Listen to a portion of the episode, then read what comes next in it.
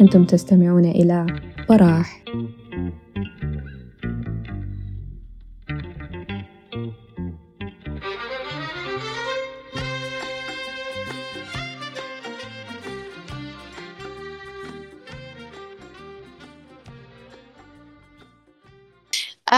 السلام عليكم.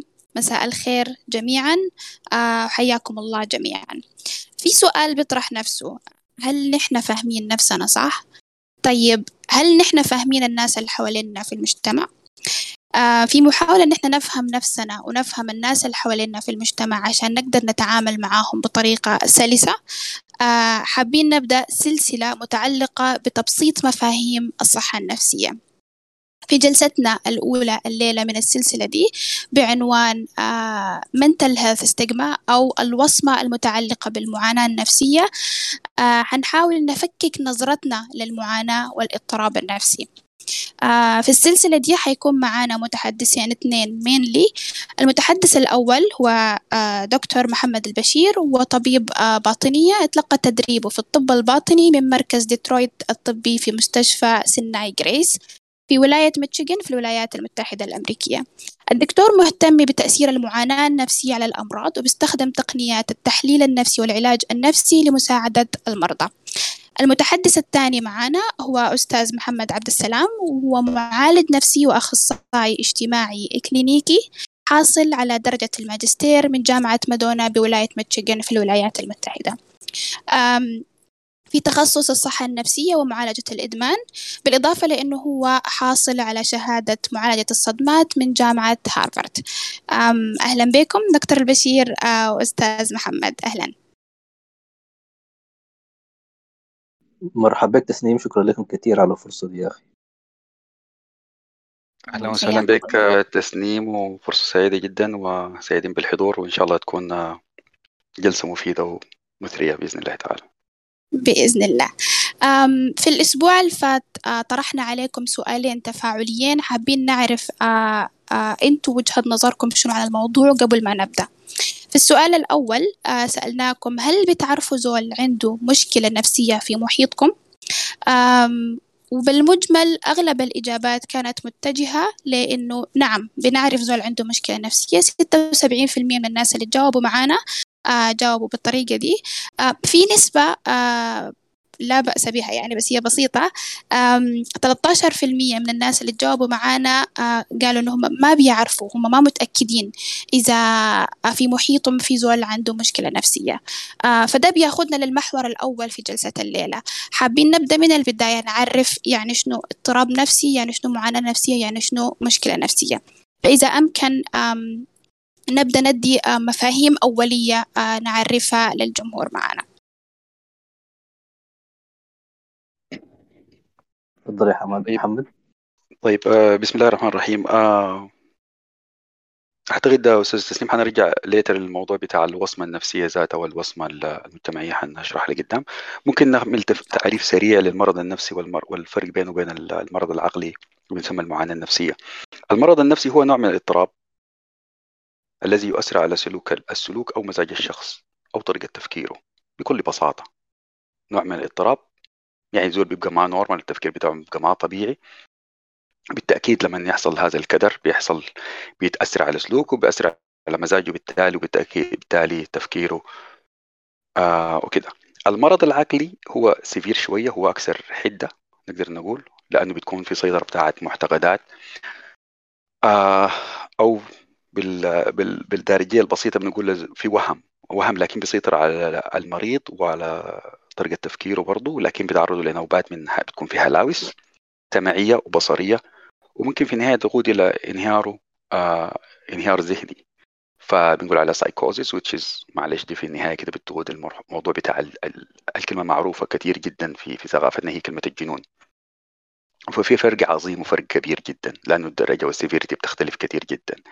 المعاناة النفسية هي مرحلة ما قبل المرض النفسي. هي ممكن يكون في نوع من اضطراب لكن بيكون بشكل أخف حدة لأنه التقسيمات بتاعت الأمراض النفسية ذاتها بتختلف وبتختلف على حسب الحدة بتاعتها. ممكن يكون الزول مثلا يكون الزول ده مثلا مكتئب أو الزول ده مدبرس لكن تلقاه مثلا حاجة عرضية. الزول ده ما سعيد في حياته ما سعيد في مدرسته ما سعيد في جامعته ما سعيد في شغله في زواجه في في علاقته مع الإنسان اللي بيحبه أو مرتبط به بتلقى في أو في مع أسرته.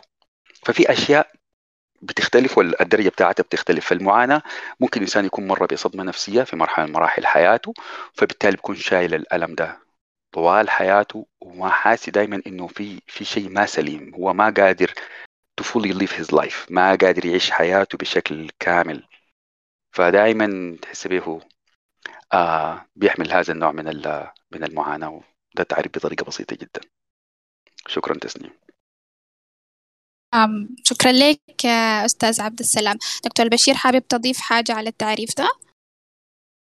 لا, لا والله الحاجة يعني بس إذا اختصرت إنه المعاناة النفسية والاضطراب بيأثر على أربعة ولا ثلاثة جوانب في حياتنا اللي هو الأسرة زي ما قال محمد علاقاتنا الاجتماعية العمل والقدرة على زي ما بيقولوا إنه زول to play إنه يعني to have fun فالحاجات دي إذا حصل أي أي أي مشكلة في الحاجات الأربعة ولا الثلاثة دي آه والزول بقى يتعطل يعني ما قادر يشتغل أو علاقاته تدمرت تماما في البيت ومع العلاقات الاجتماعية الثانية دي ممكن نسميها اضطراب وبعد ذاك فيها الحالة الحاده اللي قالها محمد بتاعت الذهان إذا الزول هو قادر يعمل الحاجات لكن بيعملها بمعاناة و...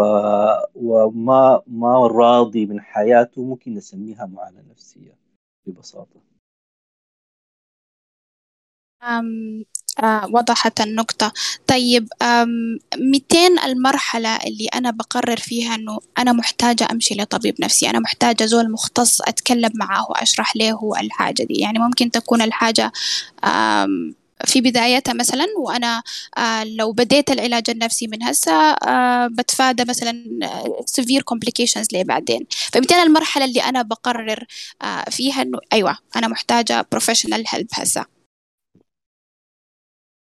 طيب آه في طبعا التغيير عشان تغير أي سلوك محتاج لأربع حاجات أساسية. محتاج لمعلومة جديدة محتاج لاستبصار محتاج لمجهود ومحتاج لزمن. فإذا أنت مثلا حاسس إن في حاجة أنت آه، مؤثر عليك نفسيا. ومريت بالأربع خطوات دي. وأنا بقول مثلا على الأقل ست شهور وحسيت إنه ما في ما في تغيير بطريقة إيجابية. طبعا المعلومات بقت منتشرة جدا يوتيوب أونلاين هو في الفيسبوك live وكذا. دخلت عينت للموضوع. ولقيت إنه المعلومات الجديدة دي وتطبيقها ما ساعدتك بعد بكون أنت محتاج إنك تجي لمعالج نفسي والفكرة في بتاعت إنك تجي للمعالج النفسي لأن وبعد شوية ممكن إحنا نتكلم لقدام يعني كيف الموضوع ده ذاته بيحصل. لكن عموما الزول اللي بيكون عنده معاناة نفسية زي ما قال محمد بيكون شايل معاه جرح عاطفي والجرح العاطفي الدماغ عنده قدرة عالية على أساس إنه يخبيها من عقلك الواعي. فانت بيكون الموضوع مؤلم والجرح العاطفي ده ناتج على على ناتج من انك إنك احتياج عاطفي ما تلبى لك وقدرت تلبيه بكل الطرق بتاعت إنك إنك زي ما بيقولوا تكوب وإنك تتوائم وتتأقلم. كله محاولاتك للتأقلم ما قدرت تلبي لك الاحتياج ده فبيكون بيظهر لك العرض. فوكيد فعشان كده المختص آه بيساعدك إنك أنت تعاين الاحتياج في شنو والألم المرتبط به شنو ويقدر يساعدك على سنك إنك تتجاوز ال ال ال الحتة دي يعني في الحتة دي برضك واحد من الأسئلة التفاعلية سألناه الأسبوع الفات كان إنه إذا حسيتوا إنه أنتوا عندكم مشكلة نفسية كيف بتعالجوا المشكلة دي؟ وتقريبا خمسين في المية من الناس اللي تجاوبوا معانا جاوبوا إنه هم ما بيعملوا أي حاجة ما بيتصرفوا أي حاجة تجاه المشكلة دي. و34% منهم اختاروا إنه هم يتكلموا مع صديق وبعد ذاك بنسبة أقل إنهم اختاروا يتكلموا مع أحد أفراد العائلة أو مع مختص. سو الخيار الأول ما كان إنه أنا أمشي أتكلم مع مختص الخيار الأول كان إنه أنا أسكت على المشكلة أقعد. فده فده بورينا قدر شنو إنه في وعي بالنقطة بتاعت إنه آه العلاج النفسي مهم أو التواصل مع مختصين آه مهم إنه إحنا ننشر الوعي عن الحاجة دي. ده, ده 50% تسنيم قالوا ما ما حيمشوا ما حيمشوا ما حيعملوا أي ما حيعملوا أي حاجة. ما حيعملوا طيب اي تصرف أنا عندي تعليق أنا عندي تعليق في الحتة دي يا تسنيم و... والحتة دي النقطة دي نقطة مهمة جدا جدا. وصراحة يعني عانينا فيها كثير جدا جدا على المستوى الشخصي على المستوى الأسري على المستوى المجتمعي بشكل عام. إنك أنت ما بتمشي إلا لما خلاص المرحلة تسوء. فهنا في في في حاجة زي ما بقولوا بطريقة بسيطة أحاول داير أحاول أشرحها صراحة وأتطرق لها دكتور محمد. الحتة المعاناة النفسية إنه أنت ممكن تكون ماشي وبعدين الشباب في الكلمة كثيرة أعتقد يقول لك الزول ده مستكّي. وعلى فكرة الأمريكان هنا بيستخدموا نفس الكلمة دي. بيجيك الواحد يقول لك I'm stuck واقف امور واقفة. إنت قبل ما تصل المرحله دي بالتأكيد بيكون في قابلتك استكاكات والإستكاك كل مرة ماشية زايدة وزايدة وزايدة. فإنت السؤال بيكون ليه أنت عاوز الموضوع يصل للمرحلة بتاعت إنه هو يصبح مرض وال severity بتاعته تزيد وتبقى حاجة كبيرة وجاسمه على صدرك؟ ليه أنت ما تحرر من القيود دي أول بأول وأسرع؟ لو عرفت إنه فعلا هي ممكن تتعالج.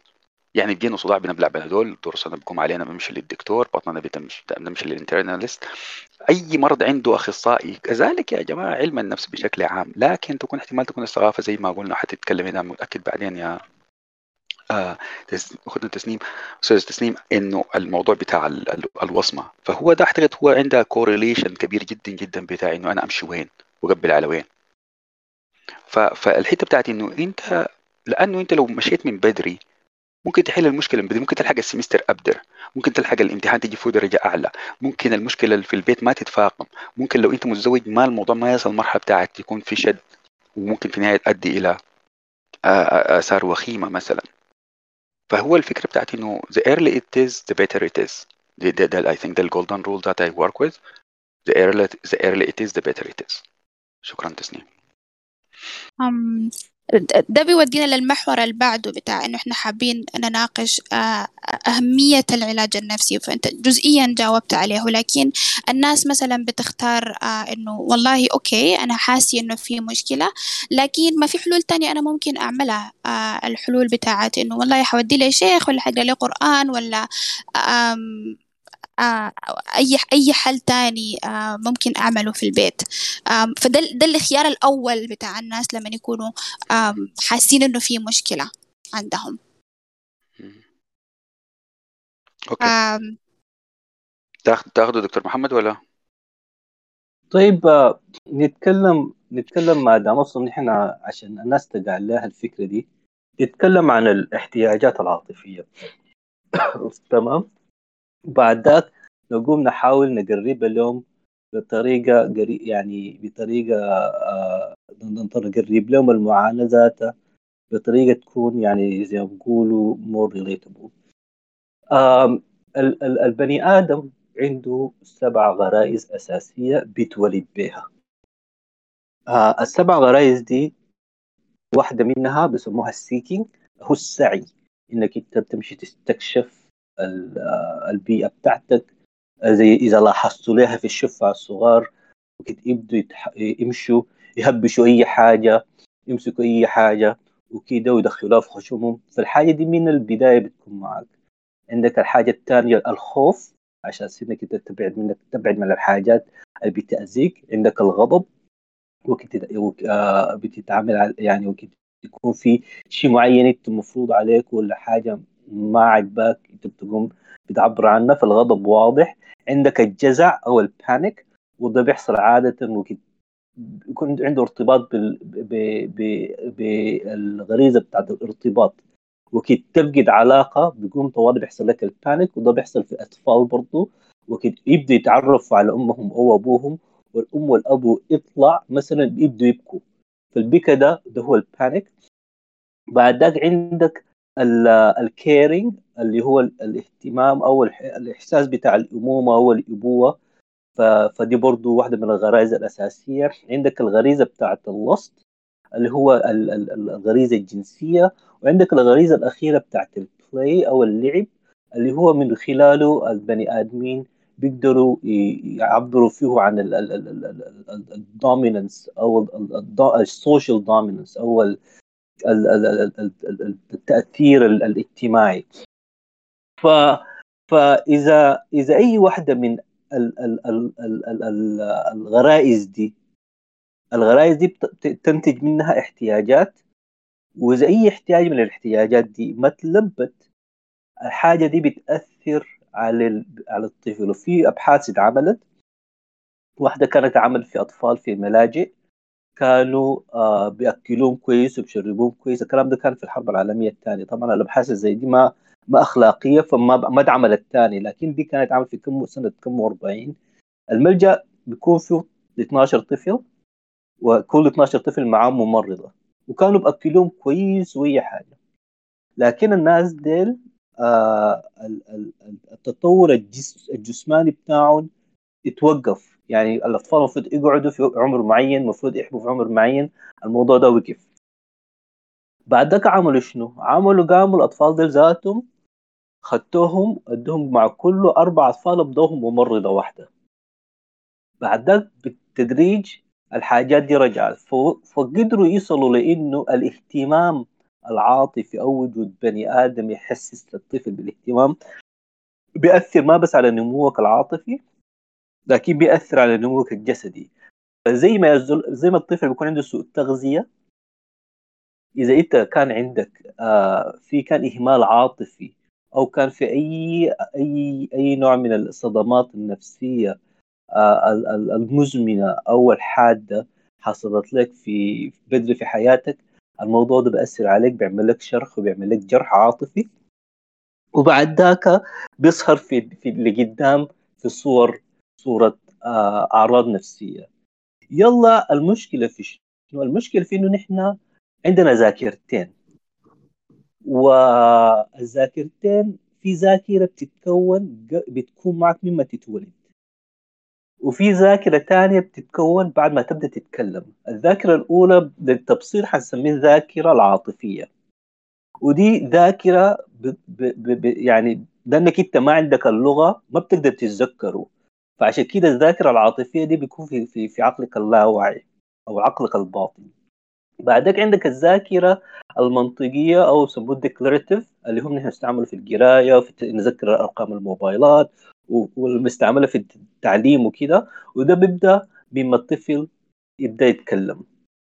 فإذا أنت حصلت لك والحاجة الثانية من ما الطفل يبدأ يتكلم ده ما بالضرورة إنك أنت ذاكرتك الثانية المنطقية بتكون مستح يعني بتكون عندها يعني ال dominance لا الذاكرة العاطفية بيكون عندها dominance لحد ما تصل مرحلة تصل لعمر مثلا تقول آه لحد ما تصل قبل المراهقة.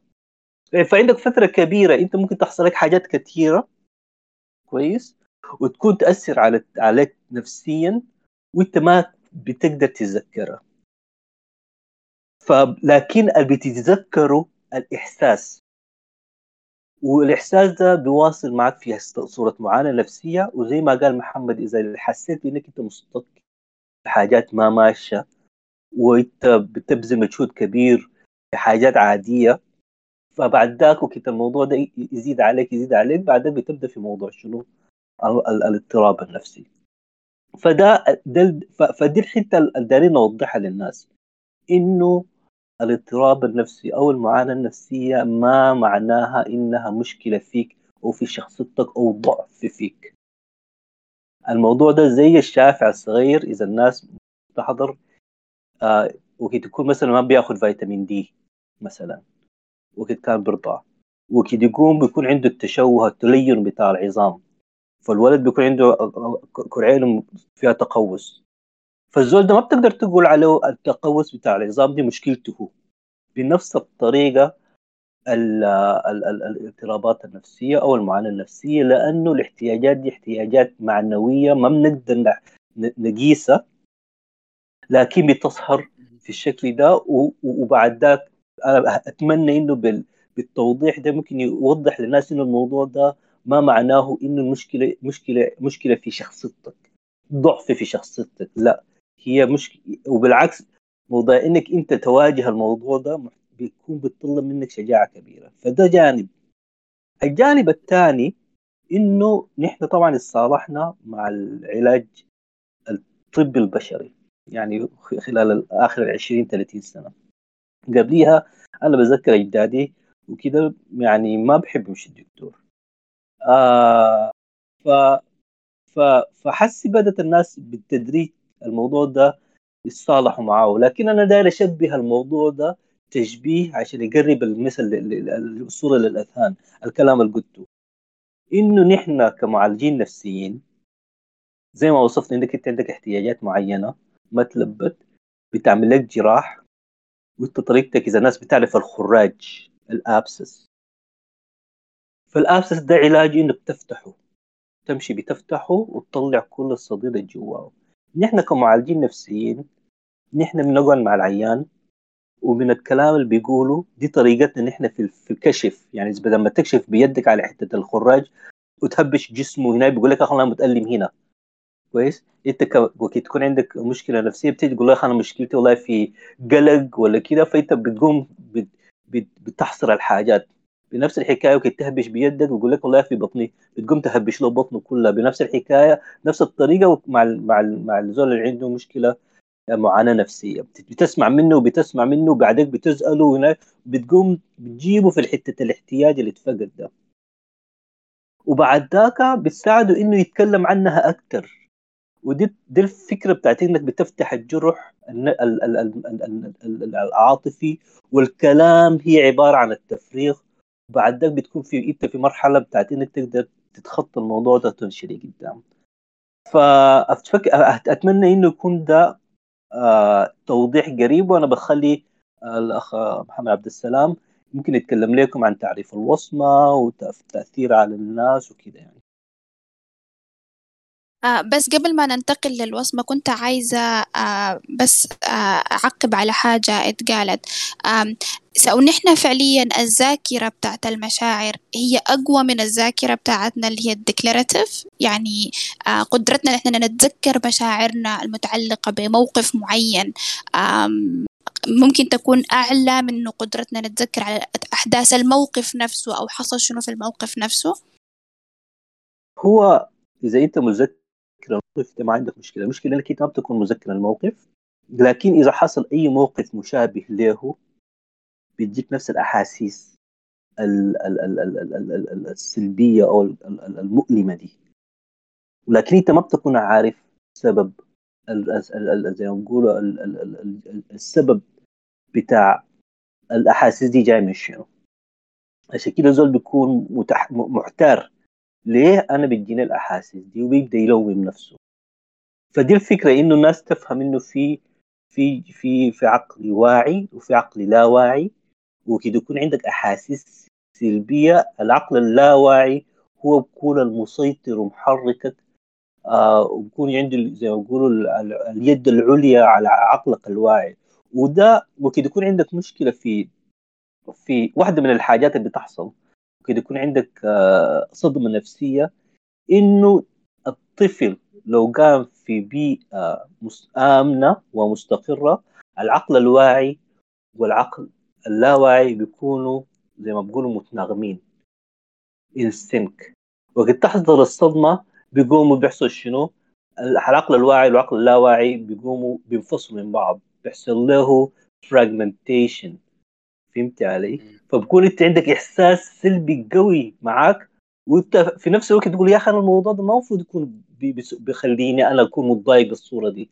لكن لأنه ال- ال- ال- الموضوع ده ما حصل ما متناغمين مع بعض بسبب الصدمة اللي حصلت لك فبيكون بيحصل التناقض ده بين عقلك ال- الواعي وعقلك اللاواعي.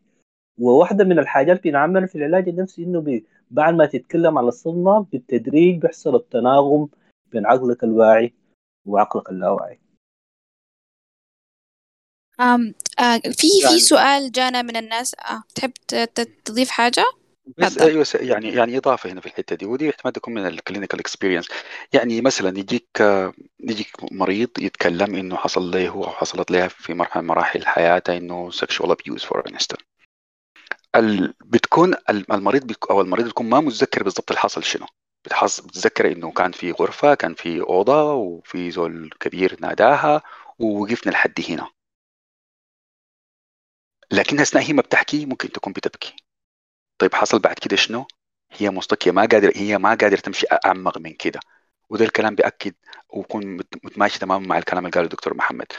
ما هو لازم يحصل suppression يحصل suppression للذكرى دي عشان الذكرى دي لو بقت قاعدة معاها في كل دقيقة حت حتنكدها حت حت حت يعني حتنتهي من حياتها حتكون في كل دقيقة شا... شايلة الهم والذنب وال... والخوف والعار وال... وات الحاجة اللي حصلت لها ك... كطفل صغير.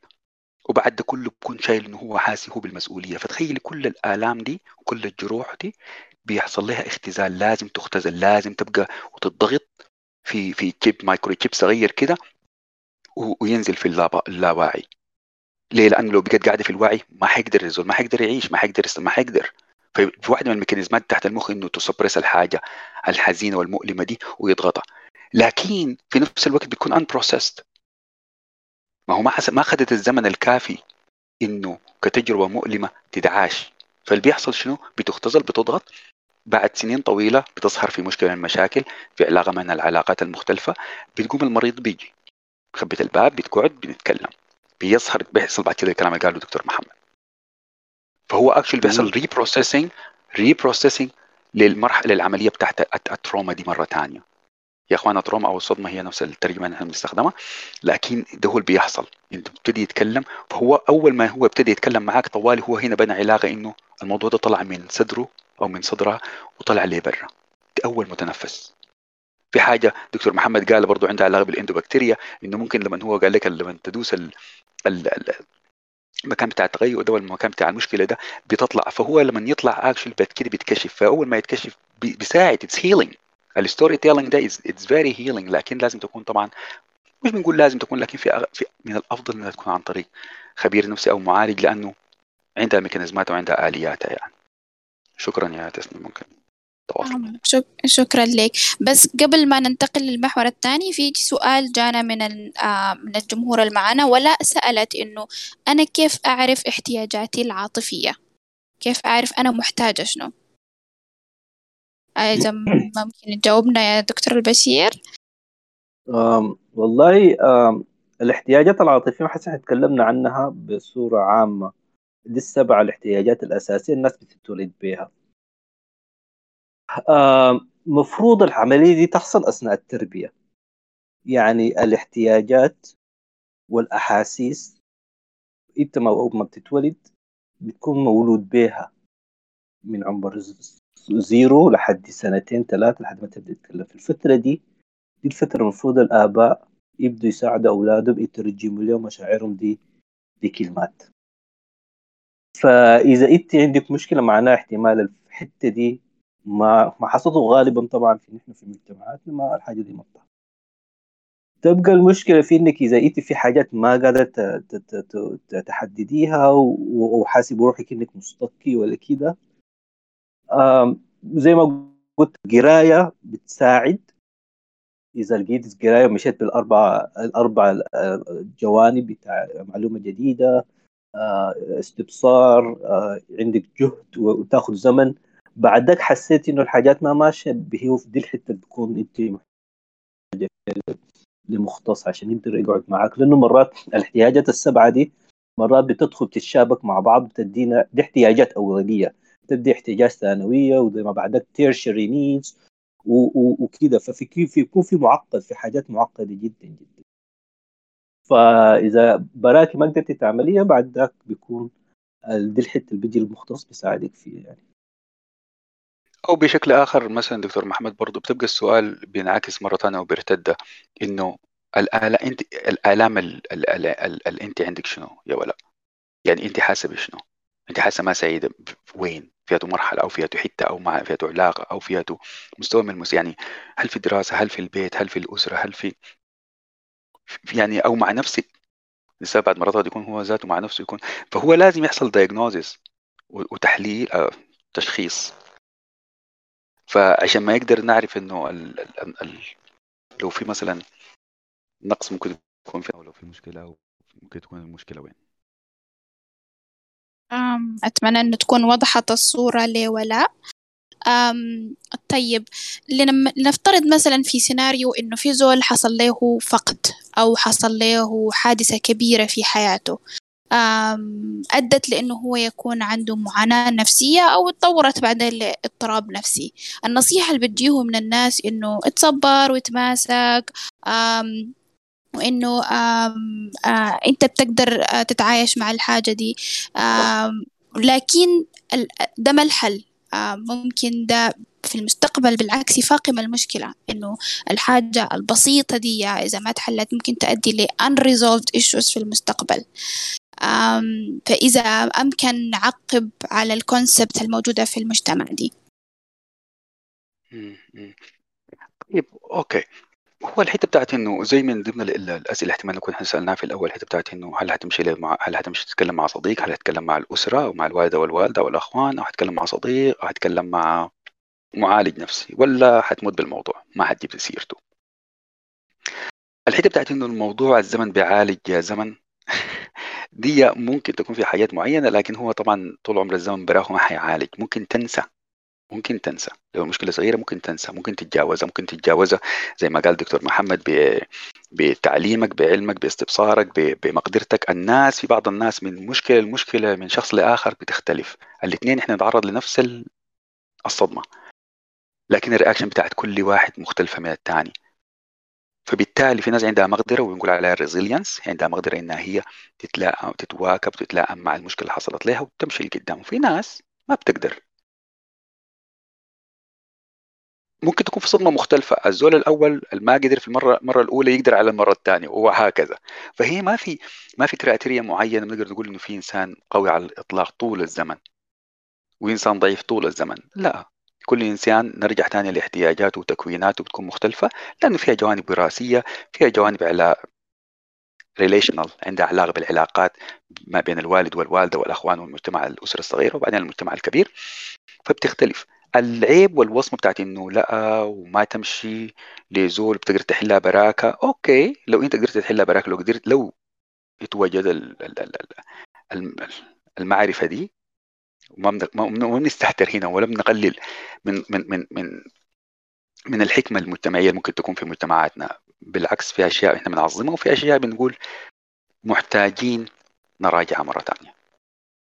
شكرا يا ولا. أنا بس بضيف يا تسنيم إنه تسنيم. يا يا تسنيم بضيف بقول إنه آه، زي ما قلت في ال في ال في الاحتياجات الأساس الأولية واحدة من الاحتياجات المهمة جدا هي إنك أنت ترتبط اللي هي إنك يكون عندك الحاجة دي من من من الأسبوع الأول العلماء قدروا يشوفوا الحاجة دي. فما في بني آدم بيجي بيجي في الدنيا دي بدون ما يلقى زول يساعده عشان يمشي ويكبر وينضج. في ناس محظوظين إنه بيكون عندهم والدين ربنا بالفطرة قدروا يساعدوه بحيث إنه يكمل, يكمل نضجه العاطفي والنفسي بحيث إنه يكون عندهم الريزيلينس اللي قالها محمد دي. في ناس ثانيين للأسف وللأسف إنه الدنيا آه الدنيا يعني يعني مجتمعنا الحاجة دي لسه ما حاجة جديدة علينا. ما كان عندهم بعدين. الأدوات والملكات إنهم يساعدوا الطفل ويهيئوا له البيئة الآمنة والمناسبة. فدي بالنسبة لك دي فرصتك. اللي انت فقدتها عشان تجي وتشتغل معاها تشتغل عليها مع زول تاني وهي بالعكس استثمار فيك. إذا قدرت تلقى المعالج الصحيح حيكون فيها استثمار فيك وبتغير حياتك. والكلام ده أنا بقوله زي ما بقول عن تجربة شخصية واحتمال محمد بعدين يتكلم عن تجربتنا نحن في الموضوع ده إنه الموضوع ده بغير بغير حياتك تماما يعني. وبدليل إنه أنا كنت طبيب بتاع باطنية مشيت عملت علاج نفسي واحس الليلة معاكم. ده كان بفضل آه العلاج النفسي. كنت تقول حاجة محمد؟ اول حتة في الموضوع بتاع المجتمع يا محمد والحتة بتاع نقطتين في الحقيقة. النقطة الأولانية إنه في طفلين أو ابنين في نفس البيت الحتة بتاعت النضوج. نضوج الوالدين. يعني مثلا ممكن نفرض مثالا مثلا الطفل الأول آه أنجب بعد عام أو عامين من الزواج. لسه الزوجين ديل هم young ال maturity بتاعتهم زي ال mature لكن ال maturity بتاعتهم ما بنقدر نقول والله بالتأكيد زي بعد 15 سنة أو 20 سنة. يقوم يحصل إنه جابوا الولد الأول الثاني الثالث الثالث ده جابوه بعد 15 سنة من الأول أو 20 سنة أو 18 سنة. بالتأكيد النضج والحجم الم... والكم المعرفي اللي اكتسبوه الوالدين من خلال تربية الابن الأول والثاني وما شاهدوه فيما حولهم. بالتأكيد بيضيف وبنورهم أكثر في تربية الطفل الأخير أو القبل الأخير. ففي الآن يعني في أشياء في تغييرات بتحصل. في أشياء حصلت وعلى المستوى الكبير يا يا محمد برضه لو بتتذكر زمان عندنا في السودان ما أعرف الكلام ده لحد حسي ولا لا لكن مثلا موضوع العقاب. الموضوع ده طبعا داير له براه حلقة كاملة. لكن الحتة بتاعت التوبيخ والتعنيف المبالغ فوقه من قبل الأسرة أو من قبل البيت أو من أو من من قبل المدرسة معلش قبل المدرسة. يعني موضوع الجلد موضوع ال ال ال التوصيم بإنه والحتة دي بالمناسبة وإنك فاشل وكلام ده يعني. محمد محمد بالحتة دي بالمناسبة دي بتعمل سبريشن للغريزه بتاعت السعي. عشان كده وزي ما نحن في في في مجتمعاتنا في مدارسنا كان الموضوع ده بطريقة مزمنة. عشان تب... عشان كده بتلقى نحن في ناس كتير ما بيكونوا بيحبوا ياخذوا ما عندهم إحساس المغامرة. وطبعا موضوع السعي ده زي ما زي ما قال محمد قبل إذا ما عملت له كبت شديد ممكن يعمل لك قلق ممكن يعمل لك اكتئاب نفسي وممكن يعمل لك ودي كلها ناتجه من البيئة ومن ال... من. من العائلة ومثالك جميل بتاع إنه يعني مثل والدين جربوا في, في أولادهم الاثنين لكن الثالث كان تربيتهم مختلفة لأنه الوالدين بيختلفوا أثناء التربية يعني محمد أنا... أضرب لك مثل برضه ثاني سريع في الحتة دي. مثلا أنت حسب قلت موضوع السعي. السعي طبعا بيبتدي زي ما أنت ذكرت بيه من السنين الأولى يعني. فتخيل انه مثلا الطفل يا ولد خد مثلا شايل له كوباية و... ولا مثلا شايل له حاجة وقام كسرها. كويس. أو وقعت منه. فتخيل كم انت مثلا ممكن يكون في لحظات أنا ما قلت لك كده. ولا المشكلة ده ردة الفعل الطبيعية. لما تكسر شيل منه الريموت ال ال حتى ما يجي يشيل الريموت بيقوم بنتل وما بيتكلم معاه مثلا. شفت الحتة بتاعت إنه يشيل ال ال ال الأشياء دي كلها هو بيقوم بيضطر إنه هو عشان يتوائم ويكون الطفل المرضي عنه بيقوم بيستسلم. استسلم معناه عمل شنو؟ هو عمل suppress للحتة بتاعت إنه هو يسعى ويكتشف. ما هو الطفل بطبيعته researcher الطفل بطبيعته باحث داير يتعلم. عاوز يشوف الحصحاص وعاوز يلعب بالتراب وعاوز يشوف المويه ويخد يده في ال... يشيل تراب من الشارع ويجي تخده تحت الماسورة ويقوم التراب يزيح من يده ما هو كنا بيتعلم هو الخبرة من وين؟ ال science اللي هو حيبنيه به في يوم من الأيام معرفته حيجيه من وين؟ لكن لو انت قمت قلت له لا أنا ما نظفت الحوض حسي وسخته وقمت تحت تحت ضربته أها اسمع تصرفت له فهمتني مش كده؟ فهو فهو فهو فأنت actually الحتة بتاعت التربية دي يعني التربية دي ده موضوع كمان تاني مختلف جدا جدا لأنه صراحة أنت برضه محمد جبال ذكرت أنا ده كنت أرجع للحتة بتاعت بنقول عليها بالإنجليزي بنقول عليها ال adverse child effect ال ACEs بالعربي ترجمتها لقيتها بتقول تجارب الطفوله الضارة وأنت تكلمت عنها قبيلك اللي هي ممكن ممكن منها الموضوع بتاع العنف المنزلي وأنواع ثانية كثيرة طبعا بالتأكيد ما هو بس العنف يعني ولا المدرسي ولا ممكن يكون أسباب أخرى كثيرة. لكن هو كله صراحة بيرجع لل بيرجع للطفولة ومكامنها وخباياها okay يا تسنيم ممكن تواصل السؤال اللي بعده. لا المواضيع حقت التربية وكل الحياة اللي ذكرتوها الآن دي قائمة بذاتها بعدين. يعني كل واحدة كل فكرة من الأفكار اللي أنتم الآن طرحتوها محتاجة نتناقشها ب باستفاضة أكثر في جلسات لاحقة. بس عشان الزمن ما يسرقنا خلينا نمشي لعنوان الجلسة اللي هو المنتل هيلث ستيغما. خلينا نبدأ نعرف في البداية يعني شنو الوصمة المتعلقة بالعلاج النفسي أو بالاضطراب النفسي. فأتوقع أستاذ عبد السلام حتى تدينا نبذة عنها؟ أيوه جدا جدا.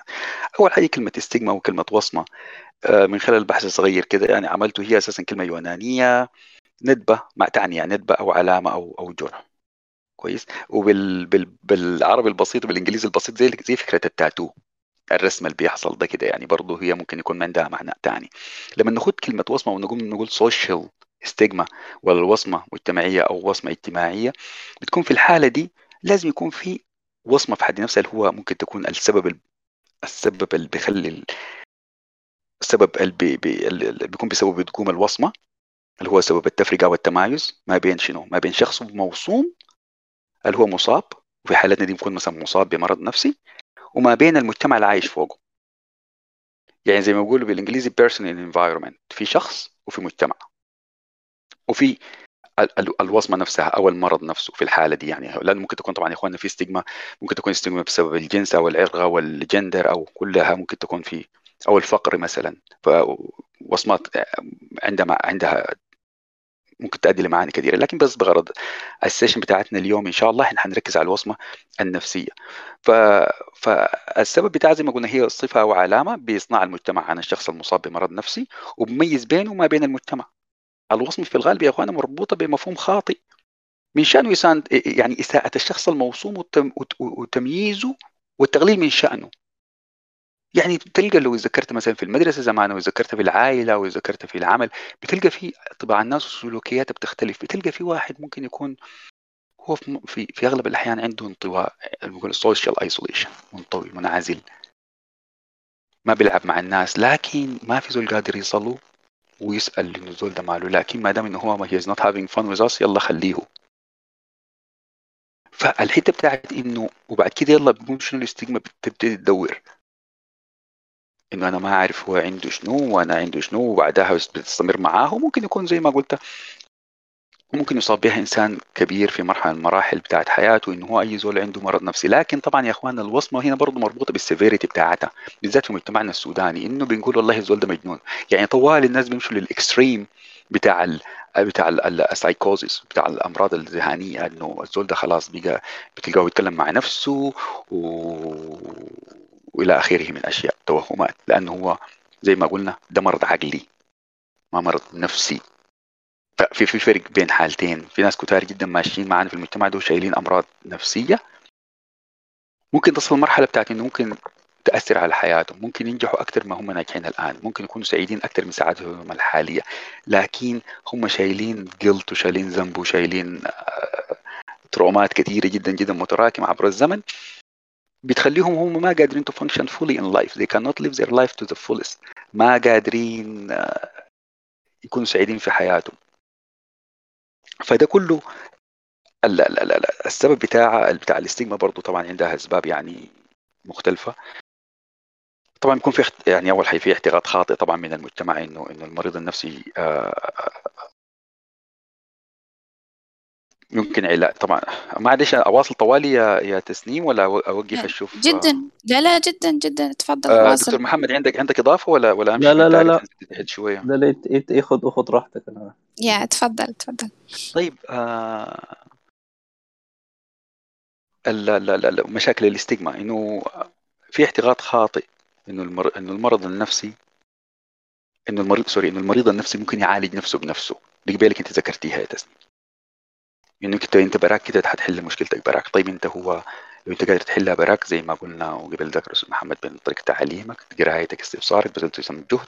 أخذت زمان حضرت محاضرات قريت كتب ممكن توصلك لحد ما لو كانت المشكلة ما severe لو كنت قريت المشكلة minor لكن المشكلة لو بقت شوية عميقة أو معقدة بالتأكيد بتحتاج لزول ولشخص آخر.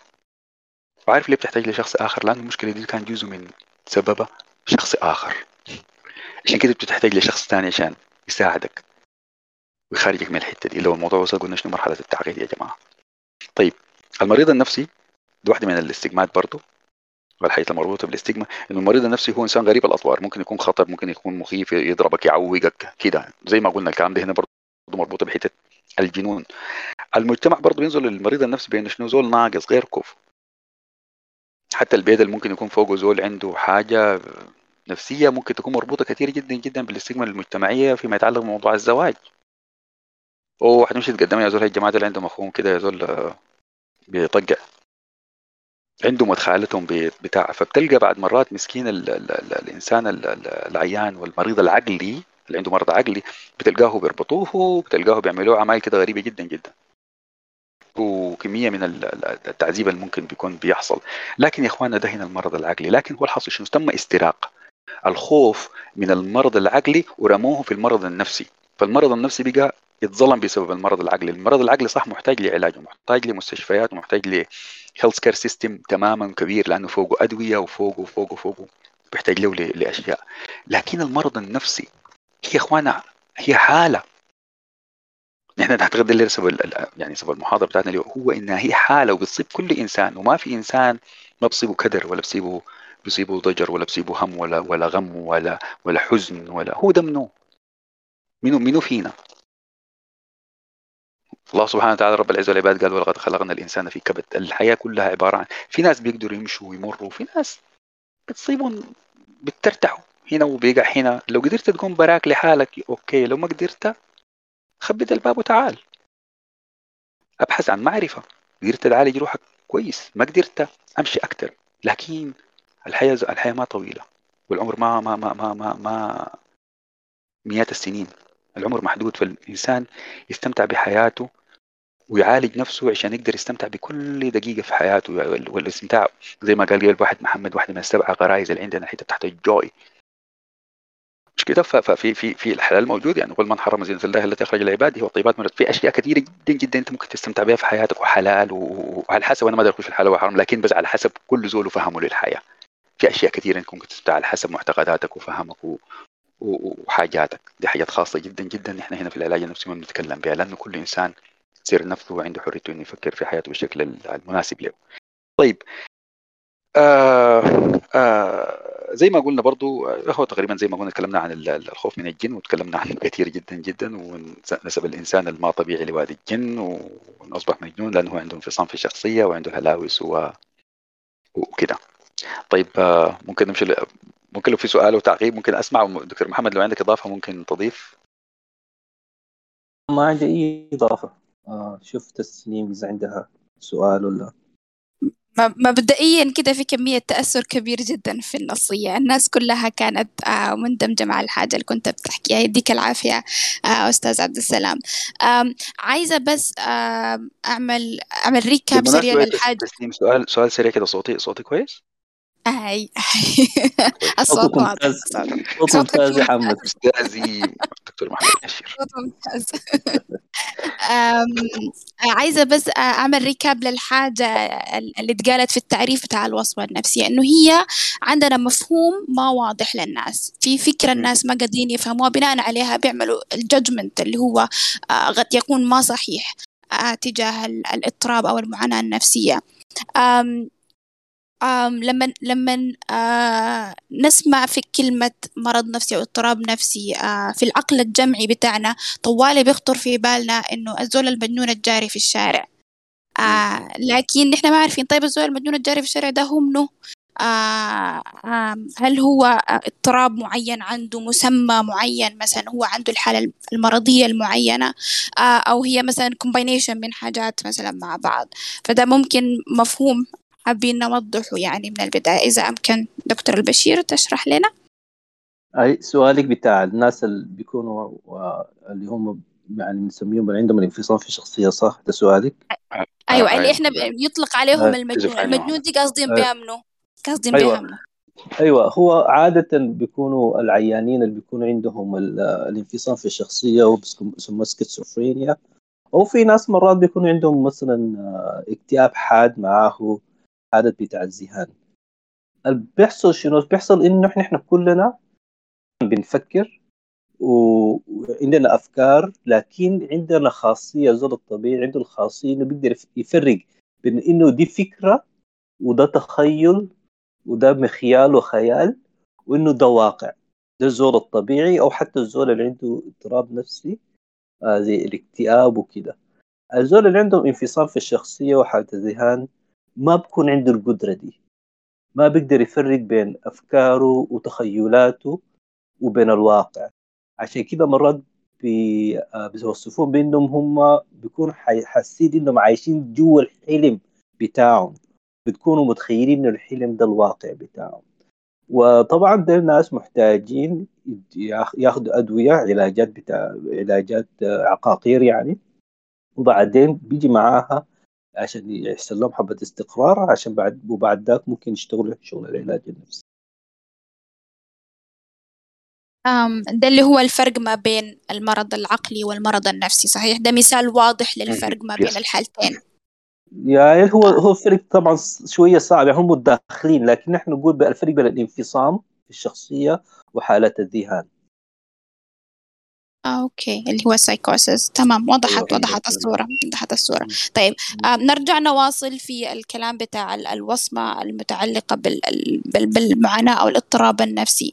آم، حسب الدراسات هل في اختلاف آم، في سلوك ال stigmatization أو سلوك ال- الوصمة المجتمعية ما بين ال- الرجال والنساء؟ آم، هل السلوك بيختلف حسب الجندر؟ آه، والله امم جدا. أوكي يعني هو شفتها يعني بتذكر في دراسة كانت تقريبا آه قريب لل 50% I think 94% حاجة يعني تقريبا بتكون التأثير في النساء بيكون أكبر وأعظم من الرجال. الرجال كانوا زي 7 35% لو أنا أتذكر. طبعا هنا يعني يا تسنيم ال- في ظروف بتختلف. مثلا مثلا لو قمنا عاينا للحياة بتاعت لل- للحروب مثلا. الرجال في مرحلة مراحل غير الحروب ال- ال- الكبيرة عالمية أولى وثانية وبعدها الحروب اللي حصلت في المنطقة مناطق في العالم بشكل مختلف. بالتأكيد الجنود اللي مشوا الحروب دي وهم أغلبهم ومعظمهم من الرجال بالتأكيد معاناتهم في الح... في ال... في ال... في, ال... في, ال... في السامبل دي حتكون أكبر وأعظم. مظبوط؟ طيب لكن المرأة حتتأثر كيف؟ أو الأطفال حيتأثروا كيف؟ الطفل الطفل ال- ال- ال- الجندي المشى الحرب وجا راجع بأمراض بمرض نفسي أو بمجموعة أمراض نفسية بالتأكيد الطفل ده هيكون يتعرض. لتعنيف مبالغ فوقه أو لنوع من الإهمال ال- ال- ال- الأسري أو المنزلي بمعنى ممكن يكون في ضرب ممكن يكون في تعنيف لفظي ممكن يكون في غياب. على فكرة إنه بعد مع مرض الناس الهجران الهجر ده الواحد يطلع الراجل يخلي البيت ويمشي يا بشهور أو بسنين. و- وبالتأكيد هنا بيكون في حيرة موجودة عند الطفل إنه إنه مشى وين. ال- ال- بالتأكيد المرأة وهي شريك أساسي وعنصر مهم جدا جدا. بالتأكيد حتتأثر. ال- النساء زي ما قلنا ممكن هو النسبة بتاعتهم كانت أكتر لكن زي ما قلت لك ما كان فيها وضع بتاع حروب أعتقد في الوضع اللي كان العام نتيجة للدرا- في الدراسة اللي أنا أنا كنت اطلعت عليها والاستاتستيكال اللي شفتها يعني. فبالتأكيد كان زي ما قلت لك ارجع مرة ثانية النسبة كانت هناك في النساء كانت أعلى لكن زي ما قلت لك دي برضه في استثناءات زي ما حسي ذكرت لك مثلا موضوع الحرب يعني مثلا. بالتأكيد طبعا برضه في مشاكل بتاعت لجوء أو نزوح. الفئة اللي بتتأثر أكثر ممكن تكون المرأة مثلا ممكن تكون بتتأثر أكثر في في في على حسب ال situation يا يا تسنيم. so هي أكثر متأثرة بالظروف المجتمعية المحيطة أو الظرف اللي ال situation اللي هم كانوا فيه. فما نقدر ندي آه، نسبة معممة أو ما نقدر ندي آه، تفضيل معمم ل- لأي من ال من ال two gender النتيجة بتاعت ال- القهر اللي بيحصل على المرأة يعني على على مر السنين على مر ال- الأزمنة يعني كان على المرأة دائما اضطهاد المرأة وحقوقها. ده بي- ال stamina بتاعت المرأة مرأة stamina عظيمة يعني مقدرة عظيمة على التحمل. فبالتأكيد لكن بيكون في at cost فبالتأكيد ال- الجزء من الضريبة اللي بتدفعها دي بالتأكيد بتكون جزء منها نفسي كبير جدا. المجد لنساء العالم. طيب حابة أنتقل لنقطة تانية إنه في فروقات في المجتمعات. المجتمعات الغربية مثلا مجتمعات تتبنى الفكر الفرداني إنه الواحد يكون فيهم متمحور حوالين نفسه. أنا أنا مهم. أنا كشخص مهم لنفسي آه، من دون ما يكون في أي اهتمام للناس المحيطين به أو الناس ال- ال- اللي حوالينه سواء كانت من الأسرة من الأصدقاء من الزملاء من الجيران الناس اللي عايش حوالينه. فلما يكون عنده مثلا مشكلة نفسية ما بيكون عنده اهتمام إنه والله الناس قالوا عني إنه أنا عندي مشكلة نفسية أو أنا مشيت لطبيب نفسي. لأنه بالنسبة له أنا مهم فأنا عايز أمشي للطبيب عشان أبقى كويس عشان نفسي. لكن لما نجي لمجتمعاتنا الوضع مختلف تماما. نحن مجتمعاتنا مترابطة بشكل كبير جدا. فالواحد بيبدل المجتمع على نفسه بفكر في إنه المجتمع حيقول عني شنو. المجتمع حيتقبلني كيف؟ وأنا عندي مشكلة نفسية أو أنا بتابع مع طبيب نفسي. فأنا بحس ده ممكن يعني من ال bottom line بتاع المشكلة بتاعتنا إنه في جزء كبير جدا من المشكلة مرتبط بالفكرة دي الفكرة بتاعت إنه مجتمعنا طبيعته كده. أم فإذا بتحب تعقب لنا على النقطة دي. جدا. آه. طيب آه أنا ممكن كمان أضرب مثل في الحتة دي. في شهر ثلاثة الفات آه، حصل إن أنا فقدت الوالد. رحمة الله رحمة الله عليه يعني بسبب ال- الكوفيد. كويس. فمن 8 9 سنين فقدت الوالدة. آه توفت الله رحمة مولاها. طيب المرة المرة المرة الأولى قبل 8 9 سنين بتذكر كان شكل البكا تماما والعزاء كان تماما مختلف. يعني أنت من من A to Z أنت ما بتشعر بأي حاجة الجيران بيجوا داخلين بيجهزوا كل حاجة الصوان برا بيضربوه بتمشي المغارب بي كل حاجة أنت بتكون شايلينك وكل دقيقة الفاتحة الفاتحة الفاتحة. فأنت عملية بتاعت آه تداخل وترابط ما طبيعي. لدرجة إنك أنت ما بيدوك ال- ال- المساحة إنك تتفكر في الموضوع أول ثلاث يوم دي. فعشان كده بنقول الناس أو تقليدا تقليدا بقول أنا. العرف العرف كان إنه الناس بترفع في ثلاثة يوم أو في يومين. بعدها الناس بتجيك في السابعة وبعدها بتجيك في 15 وبعدها actually هم زي supporting you along the way في الحتة بتاعت ال grieving process العملية بتاعت مراحل الحزن المختلفة اللي إحنا ممكن عارفينها الإنكار والغضب المس... المساومة الاكتئاب والقبول في النهاية لحد ما الزول يقدر يتعايش خلاص مع الحزن الحزن بتاعه والحزن بتاع الحزن بتاعه. طيب والفقد بتاعه. طيب لما جيت أنا هنا مشيت العزاء بتاع الوالد. أنا وصلت في نفس اليوم اللي حصل فوق العزاء. الوالد كان عنده كوفيد. آه التعامل كان معنا بحذر شديد جدا جدا. نحن ذاتنا حذرنا ونبهنا الناس إنه حنمشي ندفن. الدفن كان بطريقه غريبة إنه القريبين جدا جدا كانوا موجودين وبعدها رجعنا البيت. العزاء كان ب text messages وكان بتلفونات وكان بكده الزول داري يعزيك يعزيك على بعد ستة أمتار ولا كده ومن بعيد و... ويأشر لك وبالكوع والكلام ال- كده. لو قرب شي منك حيكون بالكوع انت لابس كمامة. والشكل اختلف.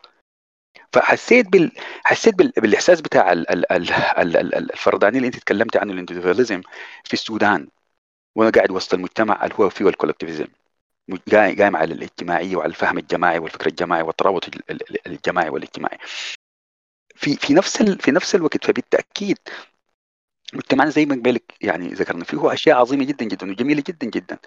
ولكن في نفس الوقت برضه بيحمل الشخص فوق طاقته بمعنى ودي ما نقدر نتكلم عن الحتة بتاعت ال- ال- البكاء بشكل عام لكن واحدة من الحاجات أنا لاحظت عليها إنه في السودان يعني بشكل عام الواحد لما يجي يبكي أو يعزوك مثلا أو يشوف لك مثلا يعني دارين يعزوا فبتلقى واحد مثلا آه، واحد داير مثلا تلقاه يبكي يقوم انت زول من هناك بيقول له استغفر الله أنا بكون بعين باستغراب انه هو الزول ده عمل شنو؟ عمل إسم هو عاوز يبكي؟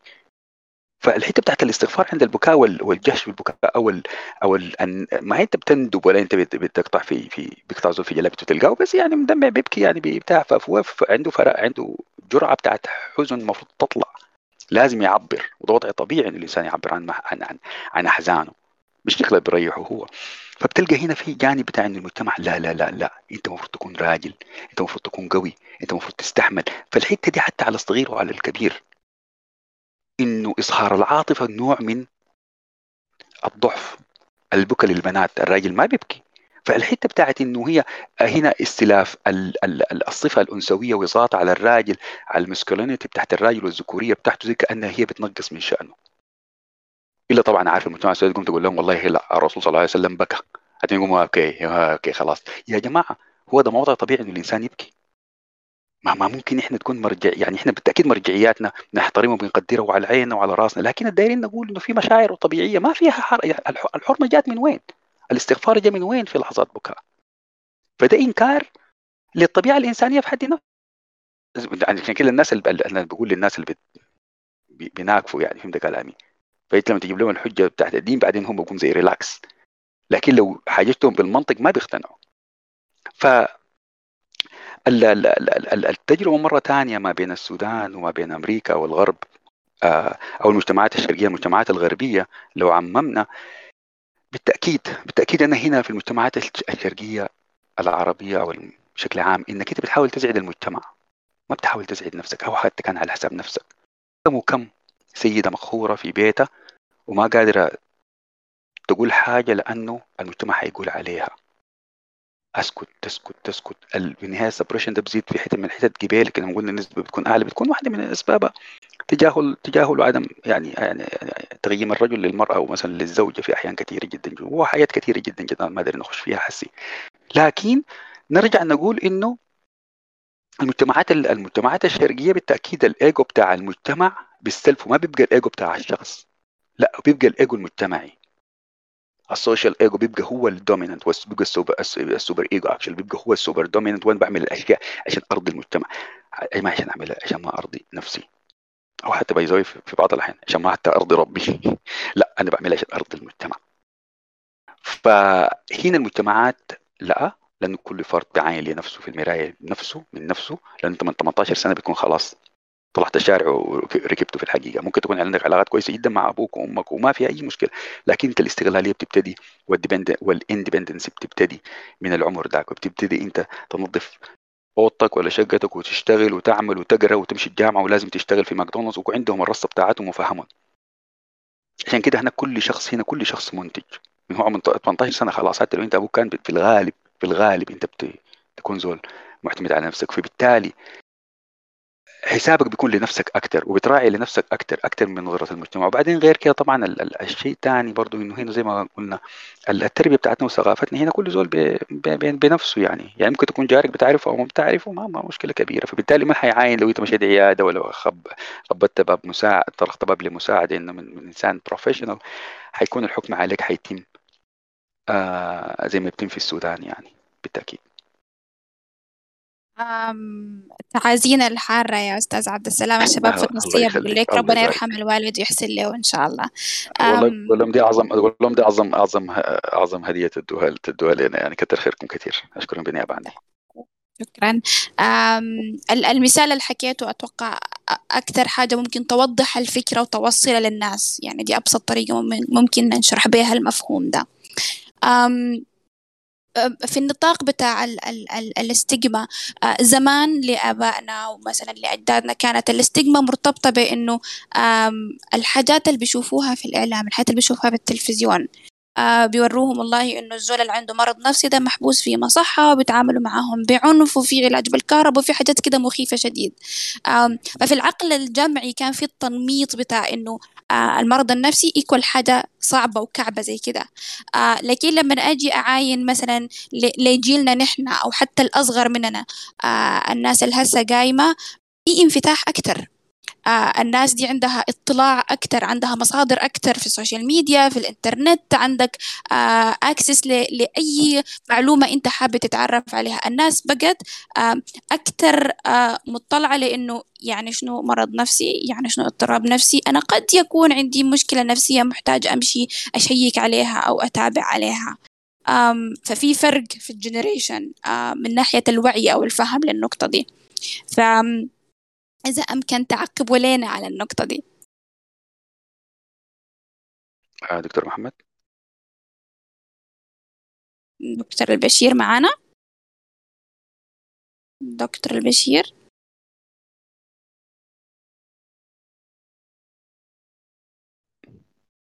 دكتور؟ أحتمال يكون احتمال يكون طلع يا رب. آه غالبا جاهو اتصال ممكن لأنه ال mic okay. مفتوح. okay okay. دكتور البشير. طيب نستنى دقايق بس. دقيقة. دقيقة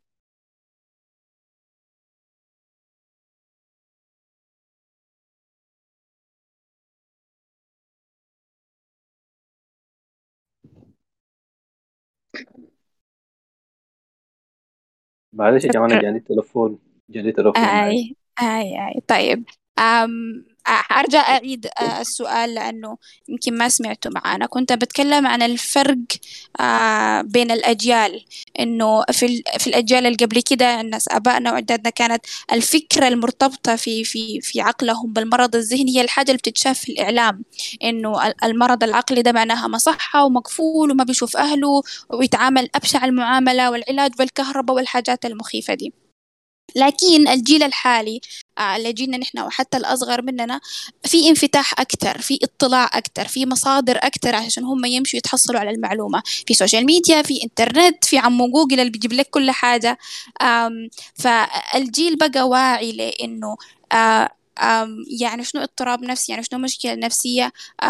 ميتين أشك إنه في حاجة خليني أمشي أشوف لي مختص أو خليني أمشي أتابع مثلا للمشكلة دي. فإذا أمكن نعقب على الفرق بتاع ال generations آه طبعا الانفتاح آه أنت محمد آه عبد السلام did you آه لا لا أنا خليت لك خليت لك التعليق على النقطه دي تمام تمام. طبعا الفرق في بين ال generation الاثنين إنه الانفتاح بتاع الإنترنت وال social media والناس بقت في ذاتها بقت عندها يعني بيتكلموا عن معاناتهم. فطبعا ده, ده دي حاجة كبيرة. أنا أنا لكن الحاجة اللي عاوز اقولها يعني أنا حتى شغال هنا مع عيانين في هم في المجال الطبي. وبقوموا بيسألوني بقول لي يا أخي أنت حسي تشخيص شنو؟ بالنسبة لي في العلاج النفسي أنا ما بحب أنمط. يعني يقول له والله يا أخي أنت عندك يعني personality disorder فلانيه ولا كده. بعين له على أساس إنه ده جرح جرح زول شايله معاه.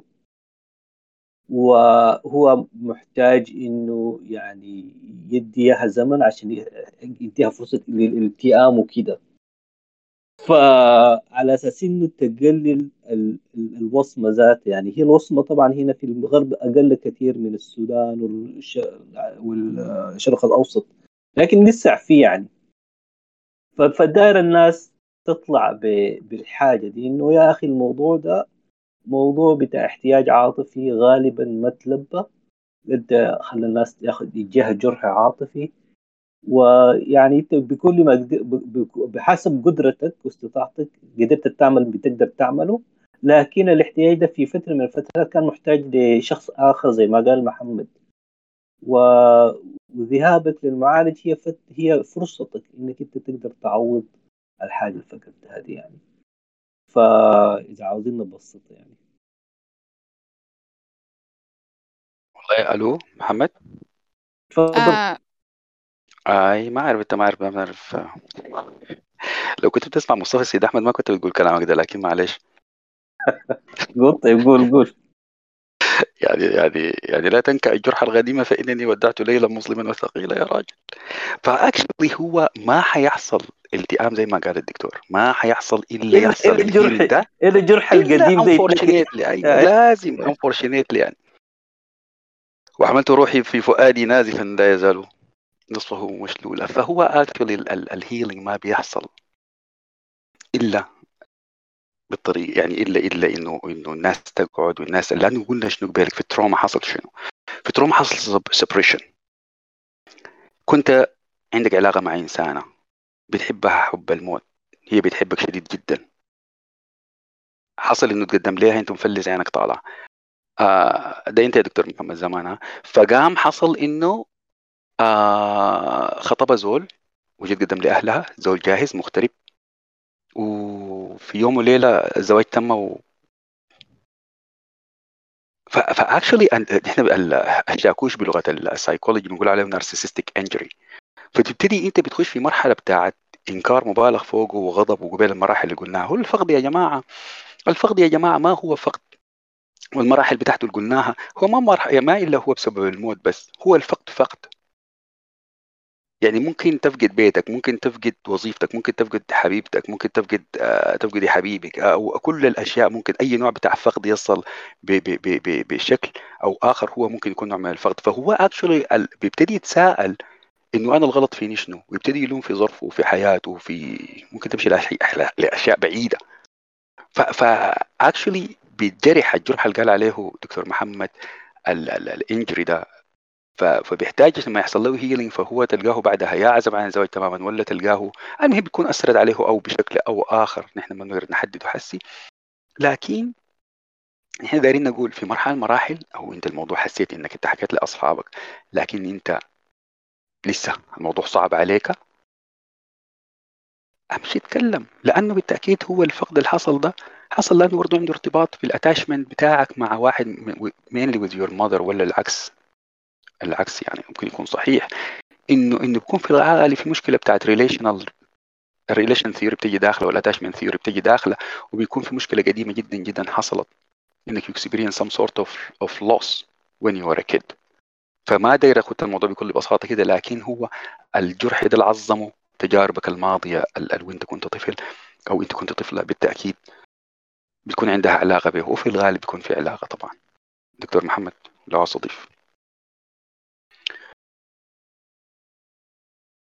ألو؟ دكتور البشير معنا آه، دكتور بشير إذا أنت بتتكلم المايك مقفول.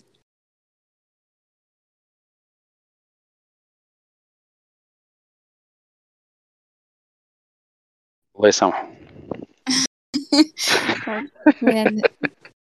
لو احتمال يكون احتمال يكون جو تلفون ولا حاجة. ممكن آي ممكن نشغل حبة.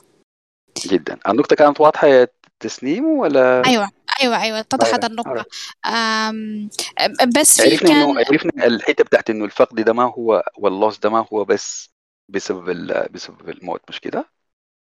أيوة. أيوه إنه ممكن يكون بسبب عدة مرض. عوامل. مم. أيوه سبب مرض. ممكن يكون طلاق ممكن يكون هجر ممكن يكون في عنف منزلي ممكن يكون في عنف مدرسي ممكن يكون في حروب ممكن تكون في أزمات في عدم شعور. باي زاويه ممكن يكون أمك وأبوك قاعدين في البيت لكن ما أنت عندك الإحساس كطفل إنه كانوا بيحبوك. كفاية. Compared to the other. مثلا احتمال. هم شايفين لو جيت سألتهم بعد 20 سنة يكون شايفين إنهم كانوا عادلين بينك لكن أنت إحساسك لانك بالك في يعني أنت إحساسك كان ممكن يكون مختلف. إنه لا. أنا I didn't get enough attention I didn't get enough enough care I didn't get enough love. الحاجة دي الطفل وهو صغير بيعملها processing بطريقة مختلفة. ويبتدي يفكر أفكار إنه هل هم ديل أمي وأبوي؟ هل هم ديل؟ ف actually إحنا clinically بنشوف حاجات كثيره جدا جدا. وفي الغالب إنها بتأثر على الزول. يعني ال patients اللي بيجونا ممكن يكون زول عمره 30 40 50 سنة لكن still هو بيجي بيتكلم على حاجات حصلت له في ال childhood ف ف ال- ال- ال- ال- الصدمات دي أنا بس خليني أقول لك حاجة دي برضه بتخيل إنها هي مهم جدا نذكرها هنا. إنه الصدمات دي نوعين. في صدمات مفاجأة في صدمات بتحصل على مر الزمن وبالتدريج. الصدمات المفاجئة كلنا أعتقد ممكن يكون جلي بذهننا مثلا يعني حيكون حرب قامت فجأة أو أو أو حادث بتاع عربية أو أو مرض مفاجئ خطير آه، أو أو أو الحياة بتحصل فجأة ما بتاخذ زمن طويل. أو مثلا ممكن تاخذ ال- ال- النوع الثاني إنه هو بتاخذ زمنها لكن بيكون تأثيره برضه كبير جدا. التعنيف المستمر بشكل دوري وبشكل مستمر بالتأكيد بيقود. عدم تعامل قاسي بالتأكيد بيقود. ففي ففي نوعين. فأنا واحد بيقول ده بيصل بيظهر مفعول بعامل الزمن بياخد زمن لكن هو بي آه، كل يعني من فترة لفترة بيكون يكون في واحد مثلا من الوالدين بيتعاطى مخدرات أو بيتعاطى الكحول ولا أي سبب من الأسباب ما دارين ن- ن- نحصرها في حاجة صراحة. لكن بغض النظر بيحصل على الطفل وعلى على نفسيته بيكون عنده تأثير عظيم بعد فترة من الزمن. لكن هو نوعين من ال trauma لكن طبيعتهم ونشأتهم مختلفة. okay؟ وده وده تبسيط للفكرة أو شرح عملي للفكرة اللي قلناها قبل بتاعت إنه آه، الذاكرة العاطفية آه،. وتأثيرها على ال على يعني احتمالية إنه يكون عنده آه، معاناة نفسية في المستقبل. دكتور البشير هل رجعت معنا؟ نعم معاكم معاكم إذا بتحب تضيف؟ حاجة لا لا ما عندي حاجة أنا كنت سامع ما في شيء أضيفه والله يا محمد يديكم العافية. طيب أنتوا كأطباء نفسيين أو كمعالجين نفسيين شنو الحاجات اللي بتحبوا إنه المجتمع يكون واعي بها ومستوعبة عشان نتفادى إنه يكون في الوصمة المجتمعية دي أو ال- أو النظرة ال- ال- المغلوطة للمعاناة النفسية؟ شنو الحاجات الأساسية بالنسبة لكم اللي حابين الناس تصل لكم؟ آه، اللي هي جزء منها إنه إحنا حابين نعمل الجلسات دي يعني. والله أنا إذا فض- خ- سمحت لي يا محمد.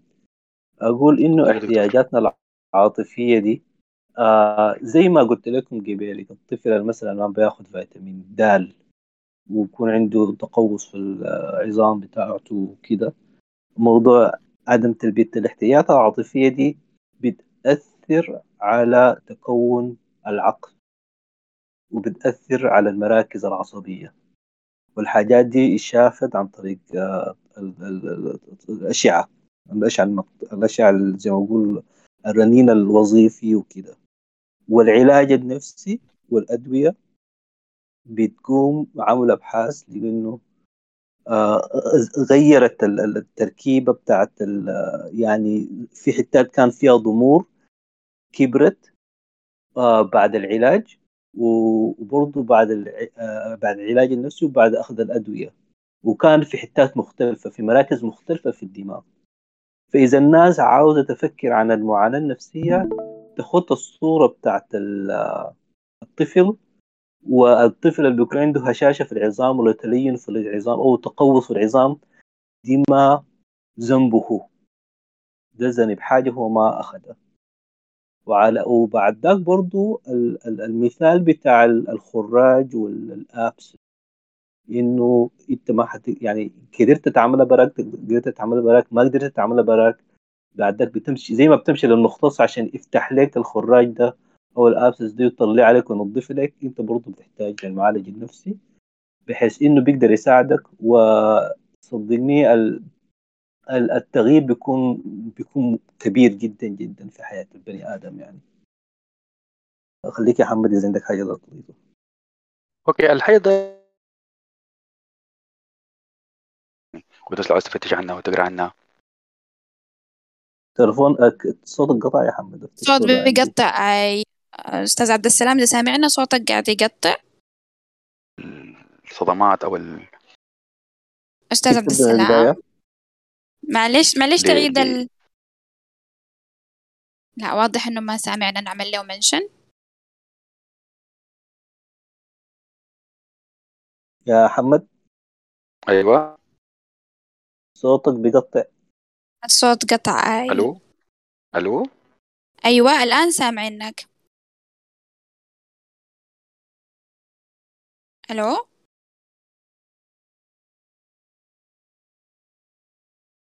أستاذ عبد السلام. أيوه أنا معاكم لكن ما اعرف الحصل شنو أيوه معاكم.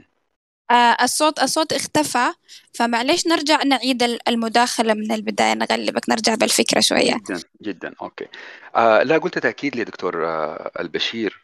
الحتة بتاعت ال adversial effect اللي هي بتاعت تجارب الطفولة الضارة زي ما قلنا واللي هي صدمات زي ما نرجع لها ثاني صدمات الطفولة اللي بيتعرض لها بشكل يعني فوق طاقة احتمال الطفل. وزي ما قلنا بتؤدي إلى خلل في مش... لمشاكل نفسية. الكلام بس عشان اكد الكلام اللي قاله دكتور البشير إنه مش غير إنه المشاكل النفسية. لقوا إنه برضه عندها علاقة بالمشاكل الجسدية. علمين الناس ضغط وسكر وإلى آخره من أمراض. دي حاجة كانت غريبة جدا يعني حاجة حاجة مدهشة أنا بتخيل لي إنه غير التأثير النفسي إنه لقوا العلايق اللي بيتكلم بيتكلم عليها حسي دي إنه عندها برضه عندها علاقة بأمراض أمراض جسدية يعني. أيوه مش كده؟ فدي وفي النهاية وأقول لك من منظور ثاني بتاع ادكشن منظور بتاع إدمان. الإدمان برضه واحدة من الأسباب بتاعته الأساسية العلاقات. العلاقات ال ال ال ال أيوه. وبعدين آه خلينا اضيف أضيف نقطة واديك الفرصة. إنه في الإدمان لقوا المراكز العصبية. اللي بتكون يعني زي ما بيقولوا انفولد ولا بتكون داخلة في موضوع الإدمان. هي نفس المراكز اللي عندها علاقة بالارتباط العاطفي. ممكن تكون ما ما عندك القدرة إنك تحافظ على علاقتك العاطفية. بتقوم تعمل لها يعني تحلال بالمادة اللي أنت مدمن عليها. Compensation exactly. أيوه تعويض. تعويض. أيوه بالضبط. تعويض. يعني محمد تلفونك بقطع يا حمد. بنتكلم على الكحول. طيب أنا والله ما لم أغادر مكاني. الصوت بيقطع. لسه ما سامعني. لا سامعينك الآن بس الصوت قطع. آه في الجملة الأخيرة اللي قلتها. طيب أوكي خير. آه قلت كل أنواع الإدمان. كل أنواع الإدمان بما فيها ال ال ال الإدمان على الكحوليات على ال opioids ال drugs بانواعها بنتكلم على ال computer gaming بنتكلم على ال gambling القمار بنتكلم على ال stock market بنتكلم على أي حاجة بتفقد الإنسان بيفقد السيطرة فيها. ولكن في نفس الوقت هي بتحقق له نوع معين من ال pleasure من السعادة السعادة على مستوى قصير المدى. هي مرتبطة ارتباط مباشر بال بالعلاقات الطفولة أو بتجارب الطفولة قلنا أو ال ruptures المشاكل اللي بتحصل في الطفولة ومن الطفل وهو صغير. كل أنواعها ف وده تأكيد برضه مرة ثانية للكلام بتاع الدكتور محمد الحته بتاعت ال neurotransmitters اللي بتحصل ليها. هي نفسها the same circuits بتحصل في ال brain هي نفسها بتحصل هنا بتأثر على نفس المستوى. عشان كده أغلب حالات الإدمان بتكون فيها تماما بيكون فيها يعني جزء كبير منها إلا بتحصل طبعا بأسباب ممكن تكون عندها أسباب genetics عندهم ال tendency الميول أو القابليه لكن فيما عدا ذلك يعني الشكل العام والغالب العام لها إنه هي بتكون واحدة من الأسباب بتاع بتاعتها. التجارب التجارب اللي بتكون المؤلمة وال painful experiences بالنسبة للأطفال. أم حاب تضيف نقطة تانية دكتور البشير؟ ما عندي حاجة ثانية أنا في حتة بس أعتقد الإجابة لما تكلمنا على الموضوع بتاع المجتمع شو المجتمع ممكن يعمل؟ المجتمع ممكن مشكلة السؤال كان يا يا تسنيم؟ آه أيوة أيوة. أيوة. المجتمع المجتمع ممكن يعمل كثير جدا جدا. كثير جدا جدا. المجتمع التربية والتعليم الوزارات أو الوزارة كلها ممكن الموضوع بتاع الإديوكيشن ده يلعب يتلعب فيه دور كبير جدا جدا. مش من ناحية التوعيه من ناحية التوعيه وتعريف وعدم وعدم ومعالج لعمليات التنمر اللي ممكن بتحصل على كل مستويات التعليم المختلفة. الوعي ممكن تتكلم من خلال المراكز الدينية جوامع أو كنايس أو بغض النظر كل المراكز اللي ممكن من خلالها الناس بتتجمع وبتجي. ممكن كثير جدا جدا الناس بتتعامل. إحنا بنتكلم على حسد ونتكلم على على حقد وبنتكلم على الضغائن ونتكلم هو هو الحياة دي ما كلها هي شنو؟ دي ما كلها هي أمراض ومشاكل نفسية. لما نتكلم على الفساد لما نتكلم على ال corruption هو شنو؟ هو ما insecurity المفسد ده أساسا هو حاسس بعدم أمان عشان كده بياخذ أكثر لأنه هو حاسس is not satisfied المجتمع ممكن يعمل أشياء كثيره جدا جدا من بتخيل المساهمة بتاعت الليلة دي أتمنى إنها تكون جزء من من جزء بسيط جدا يعني من من حملات بتاع التوعية ممكن تكون على نطاقات أوسع. آه NGOs منظمات إلى آخره. شايف أنا في منظمات كثيرة جدا بتعالج وعملت أشياء كثيرة جدا جدا بالذات للناس المتأثرين بالحروب في مناطق مختلفة. في كثير جدا من المنظمات بتعمل شغل بتاع counseling جميل جدا جدا. في إنه الجامعات ممكن تعمل شغل بتاع تدريب أكثر عشان يكون عندنا أخصائيين نفسيين أكثر يعني في statistic معينة بتخطها ال WHO أعتقد لكل 10000 أعتقد خاتين زي ثلاثة ولا أربعة معالجين نفسيين عندهم statistic معينة. فهل نحن أعتقد أنا آخر مرة لما قريت ال report كان من زمن أعتقد إحنا أعتقد زي 25% أقل إحنا ربع ال target يعني إحنا لو ال international standard let's say let's say 100% say 100% نحن we are 25% but still نحن we have to do a lot in term of quantity and term of quality. ففي أشياء كثيره جدا جدا ممكن تتعامل يعني آه، صراحة على مستوى المجتمع على مستوى البلد. لكن آه، الله كريم. فعليا نحن عندنا 75% نقص في كمية المعالجين النفسيين في المجتمع؟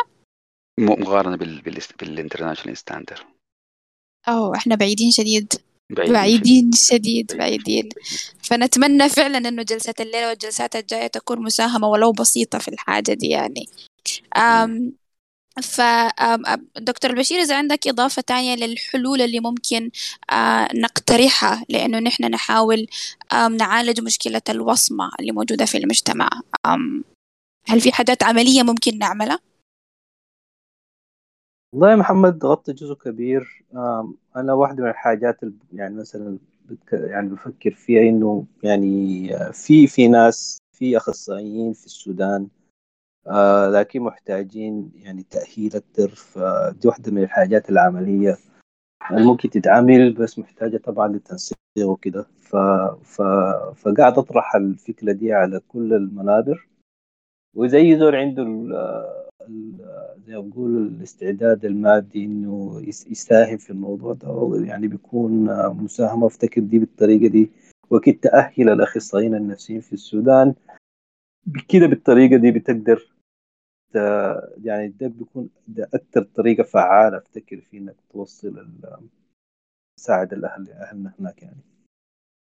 بعدين في نقطة تانية محمد إحنا تكلمنا فيها قبل كده كثير ما في ما, ما الليل لكن الموضوع بتاع ال marriage ال marriage counseling محمد. أيوه. أيوه. يعني يعني يعني يا تسنيم أنا بتخيل له هنا في شباب كتار معانا. ممكن يكون آه يتزوجوا أو مقبلين أو بيفكروا أو في المستقبل. ال investment الاستثمار يعني ناس كثير جدا بتستثمر في في في في الحفل وفي ما قبل الحفل وفي التصوير وفي وفي وفي أشياء كثير عارفاها انت كلنا عارفينها. لكن كثير جدا قليل جدا الناس ما بتتناقش إنه كيف وشنو اللي إحنا المفروض الناس الزوجين ديل أو الاثنين بيحبوا بعض ديل خطيبين العاشقين زي ما نسميهم. إنه هم مقبلين على فترة مقبلين على مرحلة. المرحلة دي هم زي كأن بالنسبة لهم كده إنه خلاص حنشوف لما نعدي بهناك. we'll figure it out الله كريم. ما خلاص okay خير. لكن في تجارب في علم في في counseling في حاجات في تخصصية. في في في دراسات كاملة الناس بتدرس سنين عشان ما تتخصص في الموضوع بتاع ال counseling فالناس ممكن تكون ال awareness إنه الناس قبل ما هي تقبل على الخطوة دي الناس تكون عارفة. لأنه الليلة لما تيجي تعاين برضه نسبة ال divorce والطلاقات لسوء الحظ يعني إنه بتكون كبيرة جدا جدا. كل واحد جاي بخلفيته بال background بتاعه لكن هي شافته وهو شافه خلاص. بعد والله يا محمد طبعا 30 25 سنة مش كده؟ 35 سنة الناس بيكون أنت ما عارف ال background بتاع الزول حيتكلم معاك شهرين ثلاثة شهور خلاص you fall in love okay think this is what love انت عاوز تعرس وعاوز يعرس خلاص. لكن الناس لازم الناس لازم تتكلم الناس لازم تعرف عملية التمحيص والتفتيش والخطوبة دي هي ذاتها الناس بتتونس في شنو؟ الكلام ما كله عيوني وعيونك يعني لا. في serious في serious life issues people they have to talk about. هي اللي حتكون العمود التفاهم بيناتهم ده والكوميونيكيشن اللي ما بيناتهم ده هو بكون هو الحامي الدرع الحامي لعلاقتهم دي في المستقبل. فأنا بتخيل لي من هنا داير to invite إنه الناس to invest الناس تقرأ الناس تفتش الناس تبحث. لو ما في موارد لو ما في I mean resources الناس في النهاية تتعلم أكثر وتصرف زمن وتتناقش بطريقة علمية وفيها أسس وفيها مدارس زي ما قلنا. تفضل يا دكتور البشير معلش أنا لا لا أنا أنا كنت داير أقول وشكرا على على, على إنك دخلت الفكرة دي دي ونقوم نعمل دعاية نحن. يعني طبعا ال unit بتاعت المجتمع هي الأسرة. والناس بتتكلم عن إنه الأسرة السليمة بتخلق مجتمع سليم. ويعني موضوع اختيارك ذاته لشريك حياتك بطريقة بطريقة إنك تدخل في علاقة آمنة دي طبعا حاجة مهمة. وقبل ما تختار شريك حياتك لازم تعرف إنك أنت ذاتك يعني healthy صحي عشان تقدر تتخذ قرار صحي. فأنا واحدة من الحاجات المهتمة بها مساعدة الشباب على على على على اسم على اختيار شريك حياة. وعملنا عملت كان يعني زي دورتين وآخر واحدة عملتها في كلوب هاوس آه وكان والله لقى لقى قبول كويس. فدي دعوة للناس إنه ممكن تتابعني في Clubhouse في آه عندي club اسمه وجداني. ومن القبول شكلي حعمل لي club تاني مختلف اسمه لاختيار شريك الحياة. فالناس ممكن تتابعني بهناك. وأي زول عنده رغبة في إنه في الحتة دي للناس ال singles مرحب بكم إن شاء الله. أنا أنصح صراحة إن إحنا نتابع الجلسات بتاعت وجداني. أنا شخصيا تابعت الجلسات بتاعتكم والمواضيع اللي قاعد تنطرح قاعد تكون مثرية. آم آه لينا. لكن بس النقطة بتاعة ال marriage counseling دي أنا أنا بتهيأ لي لازم نرتب جلسة تكون على الموضوع ده تحديدا. أم فبعدين ممكن نقعد نتكلم في الموضوع ده إحنا عايزين نعمل الجلسة دي متى ونتناول في شنو لكن مهم جدا إحنا نتكلم عن الحاجة دي. جميل جدا. آه طيب. إحنا لنا ساعة ونص بنتكلم وبنتناقش في الموضوع وقدر ما نحاول نتكلم أكثر ممكن حتى ما نقدر. ولا اديتنا ولا اديتنا كوباية مويه ولا اديتنا كوباية عصير الله يسامحك. السموحة يا دكتور السموحة. نجيب لك الجبنة هسه. حياكم الله يا دكاترة. عشان بس في عندنا كمية كبيرة جدا من الأسئلة. في حاجات كثيرة الجمهور كانوا بيطرحوها أثناء الكلام بس عشان الأفكار ما آه، تنقطع فخليناها للآخر. فإذا أمكن نمشي للاستفسارات اللي انطرحت من الجمهور. تمام. شباب أنا أنا كنت بتبع الأسئلة اللي بتتخطى فإذا في حد نسيت سؤاله معلش بس تنبهوني. إذا في حد ما كان عامل لي منشن أو حاجة. so so, um, um, في في أكثر من سؤال جانا من مزار. مزار سألت هل إنه الاضطرابات النفسية عندها علاقة بتفاعلات الدماغ أو عندها علاقة بتفاعلات بدنية تانية حاصلة في الجسم؟ السؤال ده للدكتور البشير I believe طبعا أيوه طبعا يعني مثلا نحن من الحاجات اللي بنعملها مثلا نتأكد انك انت الغدة الدرقية يعني شغالة كويس آه لكن هو هو في في في فهمين. فهم أو في عاملين. في عامل البيولوجي وفي العالم بتاع العامل بتاع الطبيعة والجينات. إنه كيف بتأثر على ال على ال على تركيبة الدماغ كيف إنه الحاجة دي بتأثر على النواقل العصبية وبعدها بتسبب لك الأعراض النفسية. ف ف ف ف فزي ما قلت يعني إذا أنت ممكن تكون مولود ويكون عندك قابلية إنك تكون عندك مرض نفسي معين. إذا أخذت البيئة المناسبة والآمنة وربوك كده وهنا ممكن الحاجة دي ما تظهر لك. إذا حصل لقدام حصل لك مثلا آه، زي ما بيقولوا صدمة مزمنة أو حادة جدا بعد ذاك ممكن حاجة تقوم تثبت لأنه الصدمة بتزيد لك آه، نسبة الهرمون بتاع الكورتيزول اللي بيجي مع مع الضغوطات الجسدية والنفسية والكورتيزول بيقوم بيأثر على العقل. فالموضوع ده عنده تداخل مع الاثنين. آه لكن معروف إنه في بعض الأمراض اللي بيكون فيها اضطرابات اضطرابات بتاعت الهرمون الهرمونات بتأثر بت بت ممكن تعمل تسبب لك أمراض نفسية. أتمنى يكون جاوبت السؤال.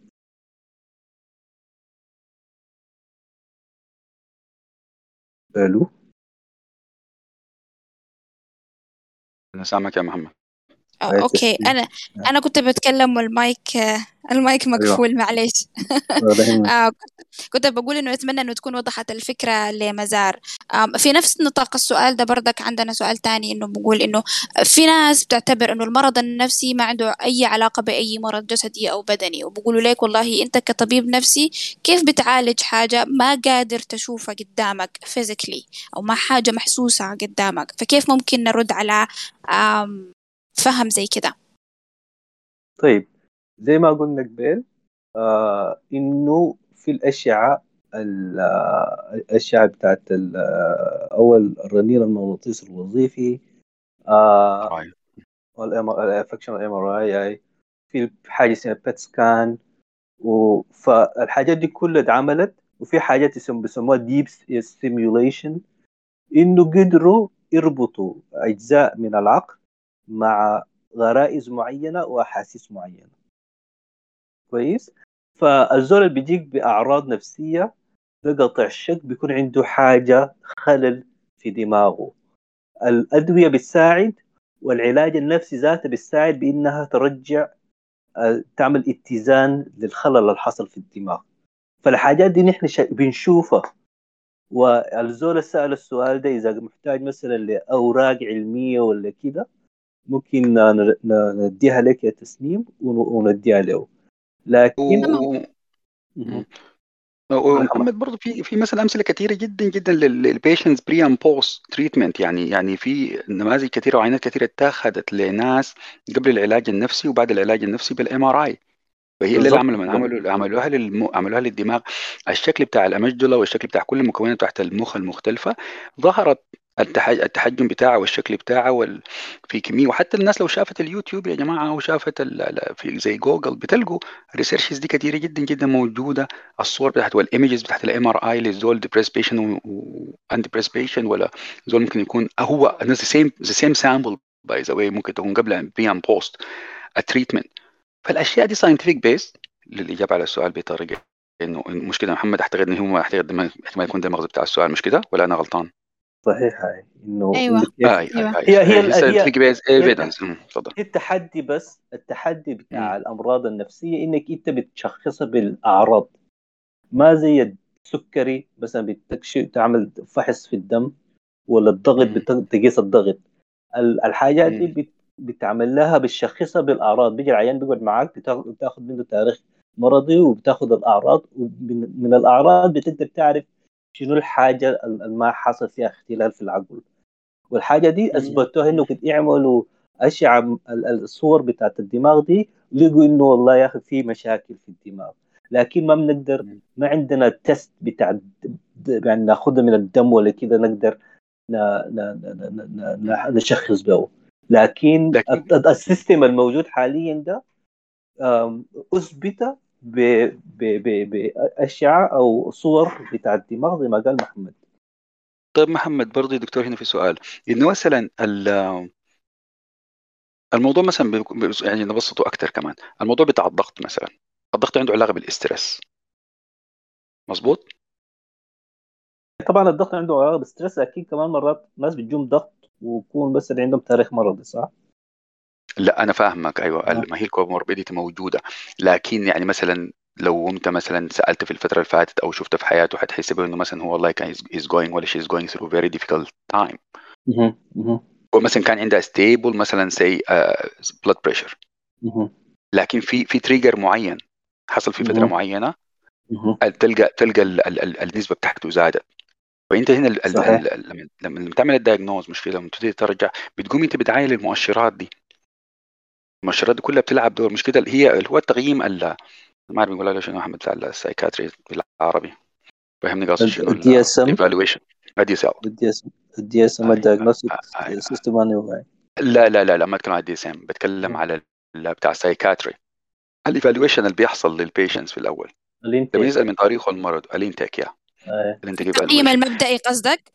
أيوه. أيوه أيوه أيوه. فدي في أشياء في أشياء بالتأكيد هي في ال comorbidity موجودة والترابط موجود. يا جماعة ال- الحتة بتاعت إنه هو ال- ال- ال- ال- الصحة النفسية حاجة والصحة الجسدية حاجة وهم مختلفين لا. حاسي هو ال- ال- طبعا أيوه أيوه. الابروتش الابروتش كله. تفضل تفضل دكتور. لا تفضل محمد تفضل إيه. لا لا لا ما هي نفس ال point هتقولها. أي لا هو هو طبعا زمان الناس كانت تفتكر إنه ال mind وال brain ولا ال brain والجسد مختلفين. لكن هم بالعكس ال- الجسم كله جزء منه الدماغ وباقي الأجهزة وكمان المراكز العصبية اللي بتتحكم فيها. الحاجات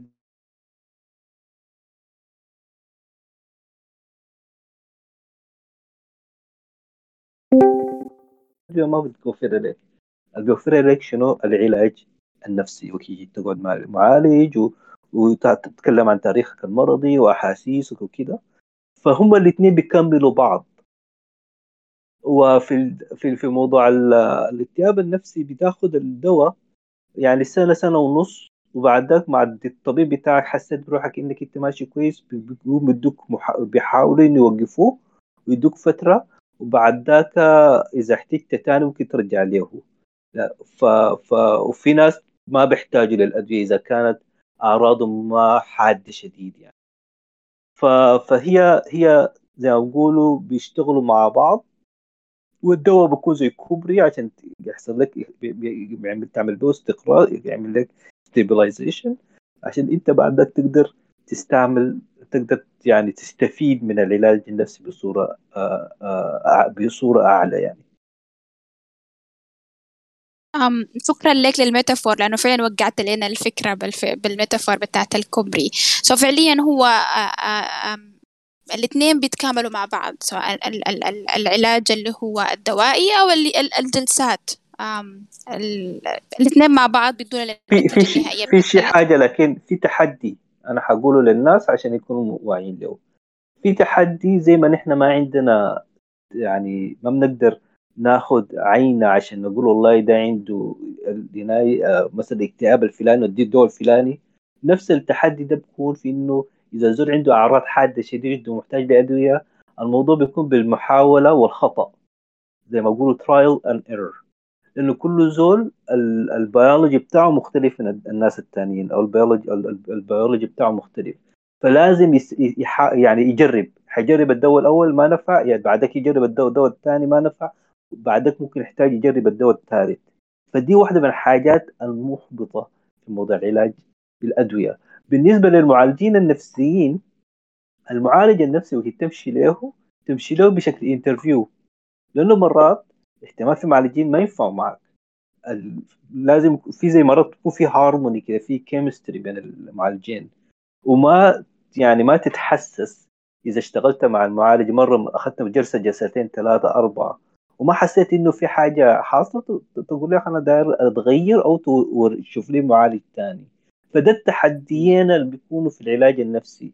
موضوع الدواء وموضوع إنك تلقى المعالج النفسي اللي بيقدر يشتغل مع. معك أنت. لأنه نحن طبعا مختلفين جدا جدا. ما أعرف إذا عندك حاجة بدك تضيفها يا احمد محمد آه أيوه محمد في الحتة دي بس الحتة بتاعت نوع العلاج نفسه.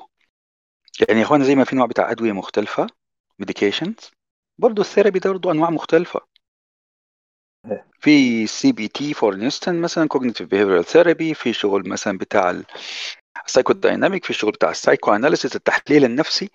فهو برضه على حسب الحالة على حسب يعني هو كل ال- ال- العملية العملية بتاعت العلاج هي patient driven pa- ال patient situation driven الحالة بتاعت المريض هي اللي بتحدد وبتملي على الفريق بتاع العمل هو زي ما ذكر الدكتور محمد بتكون في الغالب بيكون فيها هو psychiatry وفي معالج في في الحالات اللي فيها فيها شوية يعني فيها severity شوية حادة مثلا حالات بتاعت ال major depression مثلا ما minor depression severe مثلا severity لما تكون أعلى ال team فعلا لازم يشتغل مع بعض. في حالات أساسا من الأول بيكون الزول جاي هو يعني هو في وضع بتاع إنه مثلا يعني مثلا في الغالب هنا في الناس الناس اللي بيجون مثلا في المراحل بتاعت الجامعة بيكون عندهم exam anxiety بيكون عندهم panic attacks فهو بيكون عارف إنه السبب بتاع ال stress بتاعه شنو. لكن هي can not cope مع الحاجة ال- ال- ال- الموقف الحياتي المر به الآن مثلا. فده من الأول بيكون ما داير يقابل زول psychiatrist لا بيكون عاوز يقابل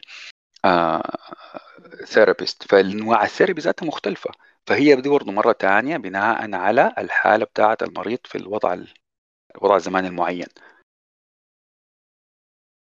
ممكن يجيك في الأول ويكون ياخذ تبتدي معاه ب CBT cognitive behavioral therapy.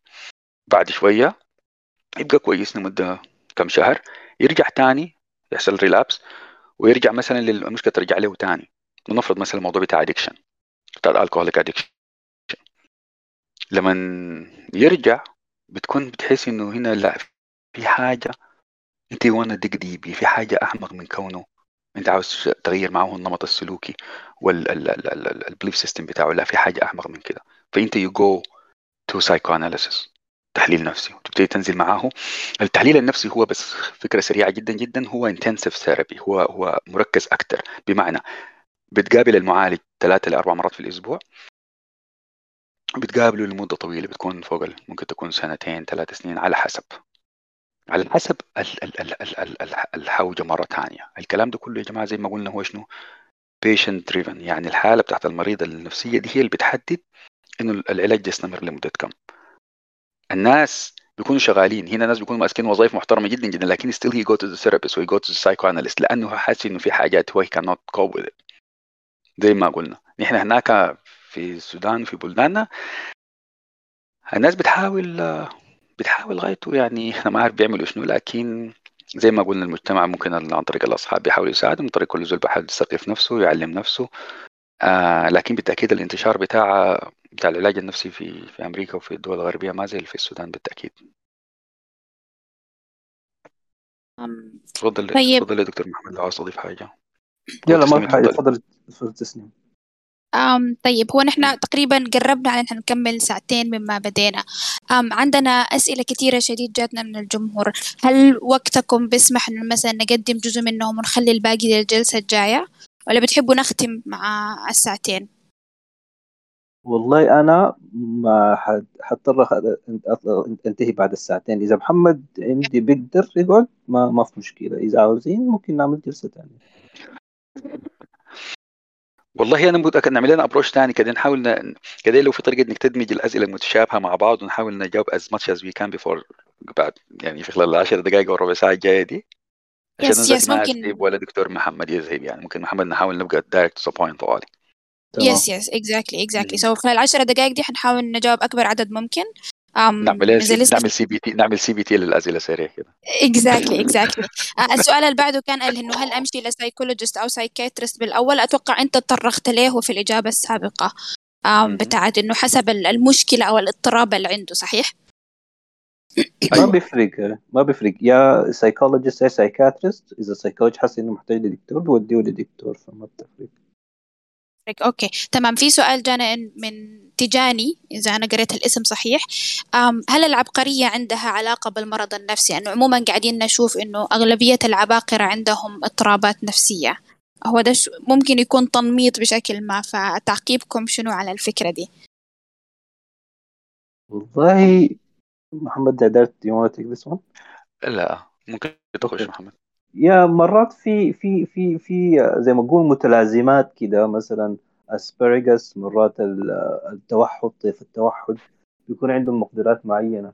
لكن ما بالضرورة يعني. يعني زي زي ال- زي الحاجة اللي كانت تسوت في زي ما انت قلت قبيل السرايا الصفراء والحاجات زي دي. لكن معروف إنه في بعض المتلازمات بيكون عندهم مرات عندهم آه عندهم آه مهارات أكثر من اللازم زي الحساب أو التحليل أو كده. ففي في في شيء زي ده يعني. أم تمام. طيب أم السؤال اللي بعده كان اللي هو الفرق بين الطبيب النفسي والعالم النفسي بس دي نحن أم محتاجة تتشرح في وقت لاحق. يعني ممكن حتى نعمل جلسة بتعريف للتخصص كتخصص علمي يعني. الع... الع... أم. معلش السؤال شنو؟ الطبيب النفسي وشنو؟ والعالم النفسي. هو أم. المعالج. ال- أيوة المعالج ولا العالم؟ لا هو السؤال كان العالم. سو إنه هل ممكن إنه العالم النفسي يمارس ال- ال- العلاج أو الجلسات مع المرضى؟ أم صحيح يا صادق كده سؤالك صح؟ أنا شرحت سؤالك صحيح. الفرق بين الطبيب النفسي والعالم النفسي. والله طبعا هو قول يا محمد قول أيوه هي صفة العلمي دي طبعا يعني كون الإنسان يكون عالم بمجاله ممكن يكون في psychiatrist هم scientist ممكن يكون في psychologist هم scientist ممكن يكونوا في psychotherapist هم scientist ال sci- يعني الواحد لما يصل مرحلة تحت ال... يكون عنده طبعا عدد من ال papers بيكون أنتج إنتاج غزير وفير في مجال معين مجال أنتج إنتاج جديد through اكتشف نظرية أو اكتشف علائق معينة. دي ممكن يكون من عده عدة من عدة من يعني جاي داخل المجال من عدة آه، نواحي.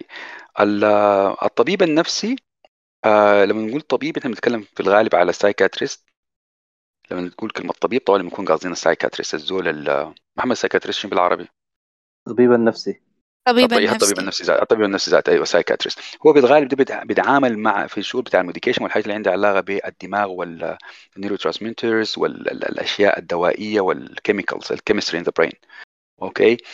المعالج النفسي آه، بيدخل المجال ده من عدة نواحي. ممكن يكون في psychiatrist ناس أطباء نفسيين برضه بيعملوا شغل بتاع therapy وممكن يكون في ناس دارين دا- دارسين سايكولوجي بيعملوا شغل بتاع بلا- علاج نفسي. وفي ناس ممكن يكونوا قارين mental social work بيعملوا علاج بتاع شغل نفسي. وفي ناس ممكن يكونوا قارين counseling.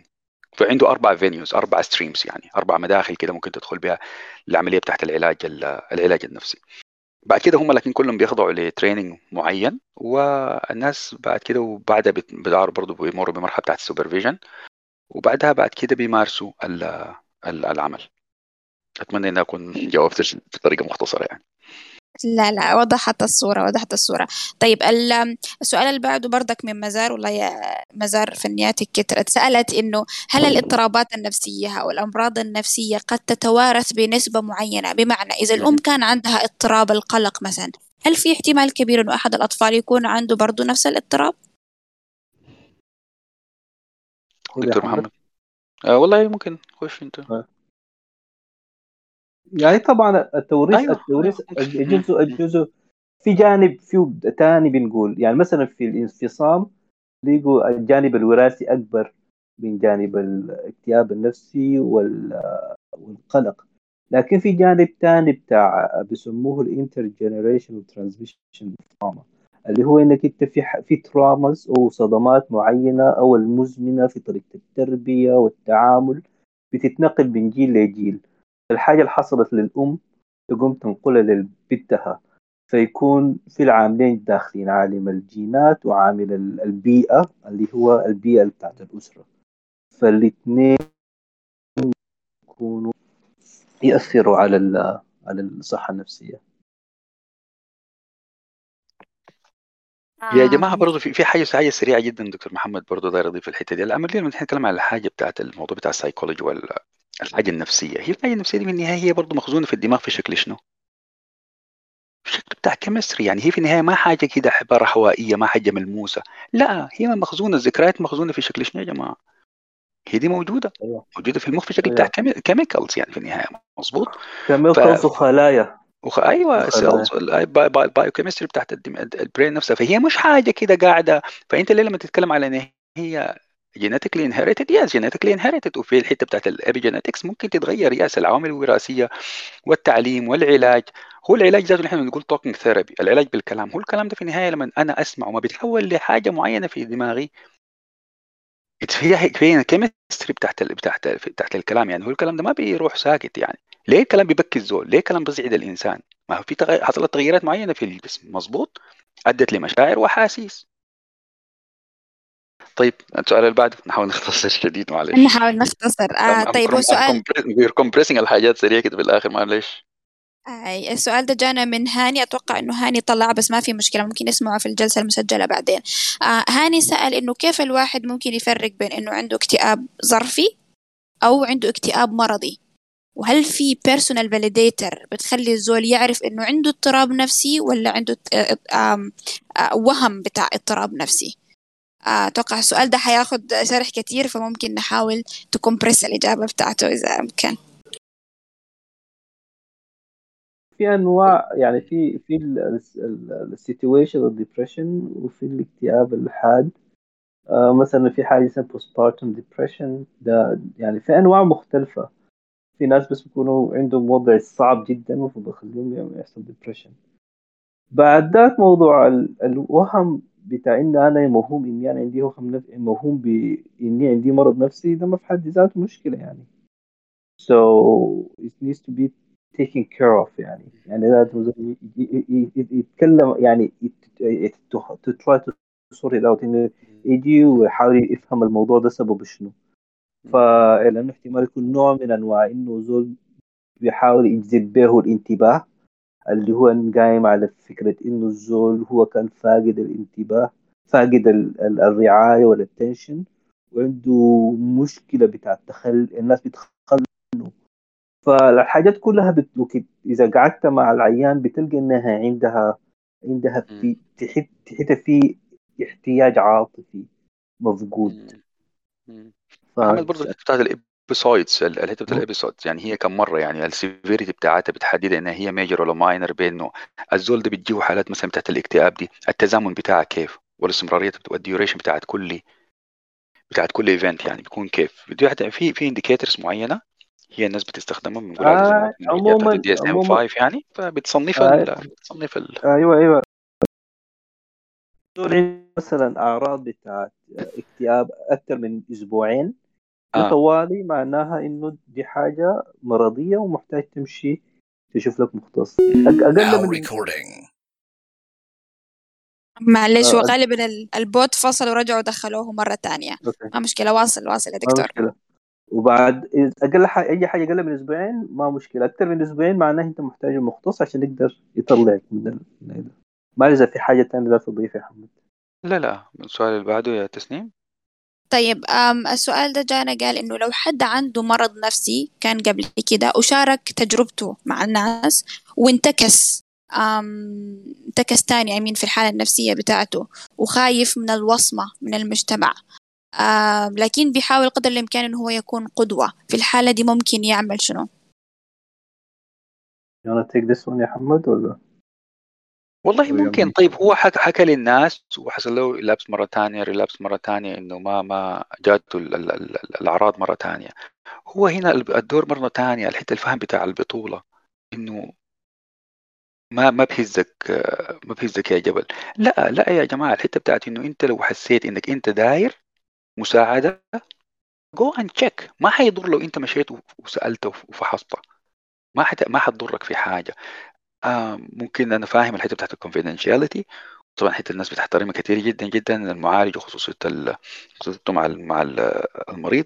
ف my advice is امشي go and check الحتة بتاعت إنك أنت غدوة أي نعم ما ما حت ما حتأثر إنك أنت مشيت وسالته فحصته أنا أي إذا أنا إذا عاوز أنا أضيف حاجة يعني شخصية تجربة شخصية أنا زول عندي اكتئاب نفسي. و يعني يعني في كلوب هاوس تكلمت عنها وما أعرف أنا كنت في ديسكورد قبل فترة لكن عندي اكتئاب عندي اكتئاب نفسي. وبتجيني الانتكاسات دي. هي جزء من المرض يعني يعني الاكتئاب ده مرات الناس بتفكر فيه زي إنه مرض مزمن زي الضغط والسكر وكده. لازم تحافظ على على آه، الصحة بتاعتك وال lifestyle وكده. وقاعد أمشي لمعالج نفسي وقاعد آخذ أدوية وكنت أحتاج لأدوية. مرات وكنت ما أحتاج مع استشارة الطبيب نوقف وكنت أحتاج بآخذ الأدوية ثانية مثلا حسي وقت الكوفيد ده جاء لأنه الحاجات كانت very stressful مشيت للدكتور وبدأت antidepressants أو أو الأدوية بتاعت الاكتئاب فهي هي زي ما بقول زي ما قال محمد الأمين في في في غنيته بتاع نغالب فيه يغالبنا.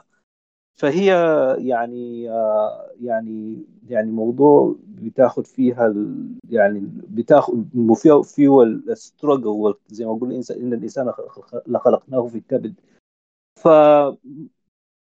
ما حقول لك يعني أقول لك ما تخاف لا ما حقول لك ما تخاف لكن أقول لك امشي شوف المساعدة وين وخذها وأي مساعدة تقدر تأخذها وخذها يعني ما ما ما ما تتردد يعني. أظن لي ممكن ممكن بعد كده نكتفي بهذا العدد من الأسئلة. الأسئلة أكثر من كده بكثير. آه، والجلسة ده طبعا ما حتكفي لكن آه، زي ما قلنا في البداية دي الجلسة الأولى وعندنا جلسات أكثر آه، إن شاء الله في المستقبل. الأسئلة اللي خديتوها كلها بنت في ال messages في في في النصية عندنا. so إن شاء الله إذا ربنا أحيانا وخططنا جلسة تانية حنمر على الأسئلة كلها حسب الافيلابيلتي بتاعة المتحدثين بإذن الله. دكتور بشير أستاذ عبد السلام أنا شاكرة لكم جدا لوجودكم معنا الليلة في براح. شاكرة لكم لكل المعلومات اللي اللي أديتونا لها للتبسيط. لكل يعني حتى الكلمات كان فيها دعم نفسي كبير للناس. أتوقع أنتم ما منتبهين للنصية لكن في كمية تفاعل كبير جدا في النصية.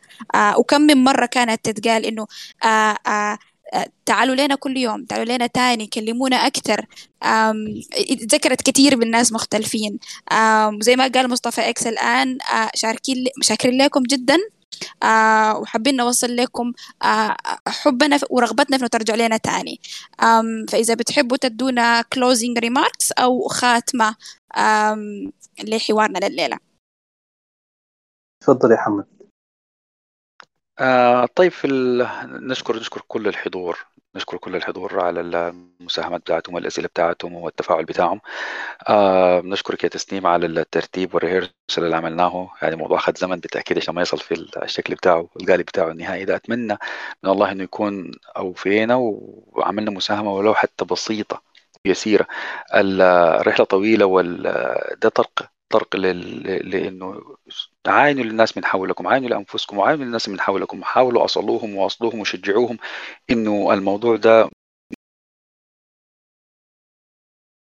طبيعي إنه الإنسان ممكن يزعى وأنتوا شباب ما شاء الله وأعتقد ناس مستنيرين متعلمين متحضرين فالناس تاخذ ما ناس تمشي لقدام الناس الناس تحاول تبحث عن حلول وتفتش وتلقى تجد المساعدة المطلوبة. في أي حتة أنت قاعد فوقها الناس تحاول كل الطرق لو احتاجت. وتشوف اخوانها واخواتها في البيت أمهات آباء الناس تفتش تشوف وما وما تسكت. تحاول تساعد غيرها تفضل يا دكتور بشير. والله زي ما قلت نشكر تسنيم كثير على الفرصة وعلى التنظيم ونشكركم على حسن الاستماع والمشاركة. وبرضو من الحاجات إذا عندكم مثلا مواضيع معينة أنتم حاسين إنه عاوزين تتكلموا فيها آه ممكن آه هو تسنيم معاكم وممكن نعمل لكم بول ونحن إن شاء الله يعني حاضرين. uh, in the meanwhile في الأثناء دي يعني إذا مثلا برضو حبيتوا يعني آه، تتابعونا في كلوب هاوس آه، أنا يعني تتابعوني ممكن تتابعوا الكلب بتاعي اسمه وجداني آه برضو ممكن يكون برضو آه مصدر تاني للمعلومات لحد ما إن شاء الله ننسق آه لقاء تاني معاكم هنا في براح. وشكرا كثير براح على الفرصة دي. شكرا, شكرا لكم شكرا أنتم أخير برضو تسنيم أعتقد برضو معاك فريق بتاع عمل كامل. أعتقد شباب كثير إحنا ما تعرفنا عليهم وما شفناهم لكن شكرا جزيلا لكم كثير آه وإن شاء الله يعني نتقابل لقدام. إن شاء الله بإذن الله. شكرا للفريق الموجود حاليا معنا عمرو ومصطفى إكس ولفريق الميديا كلهم على المساعدة للجلسه دي.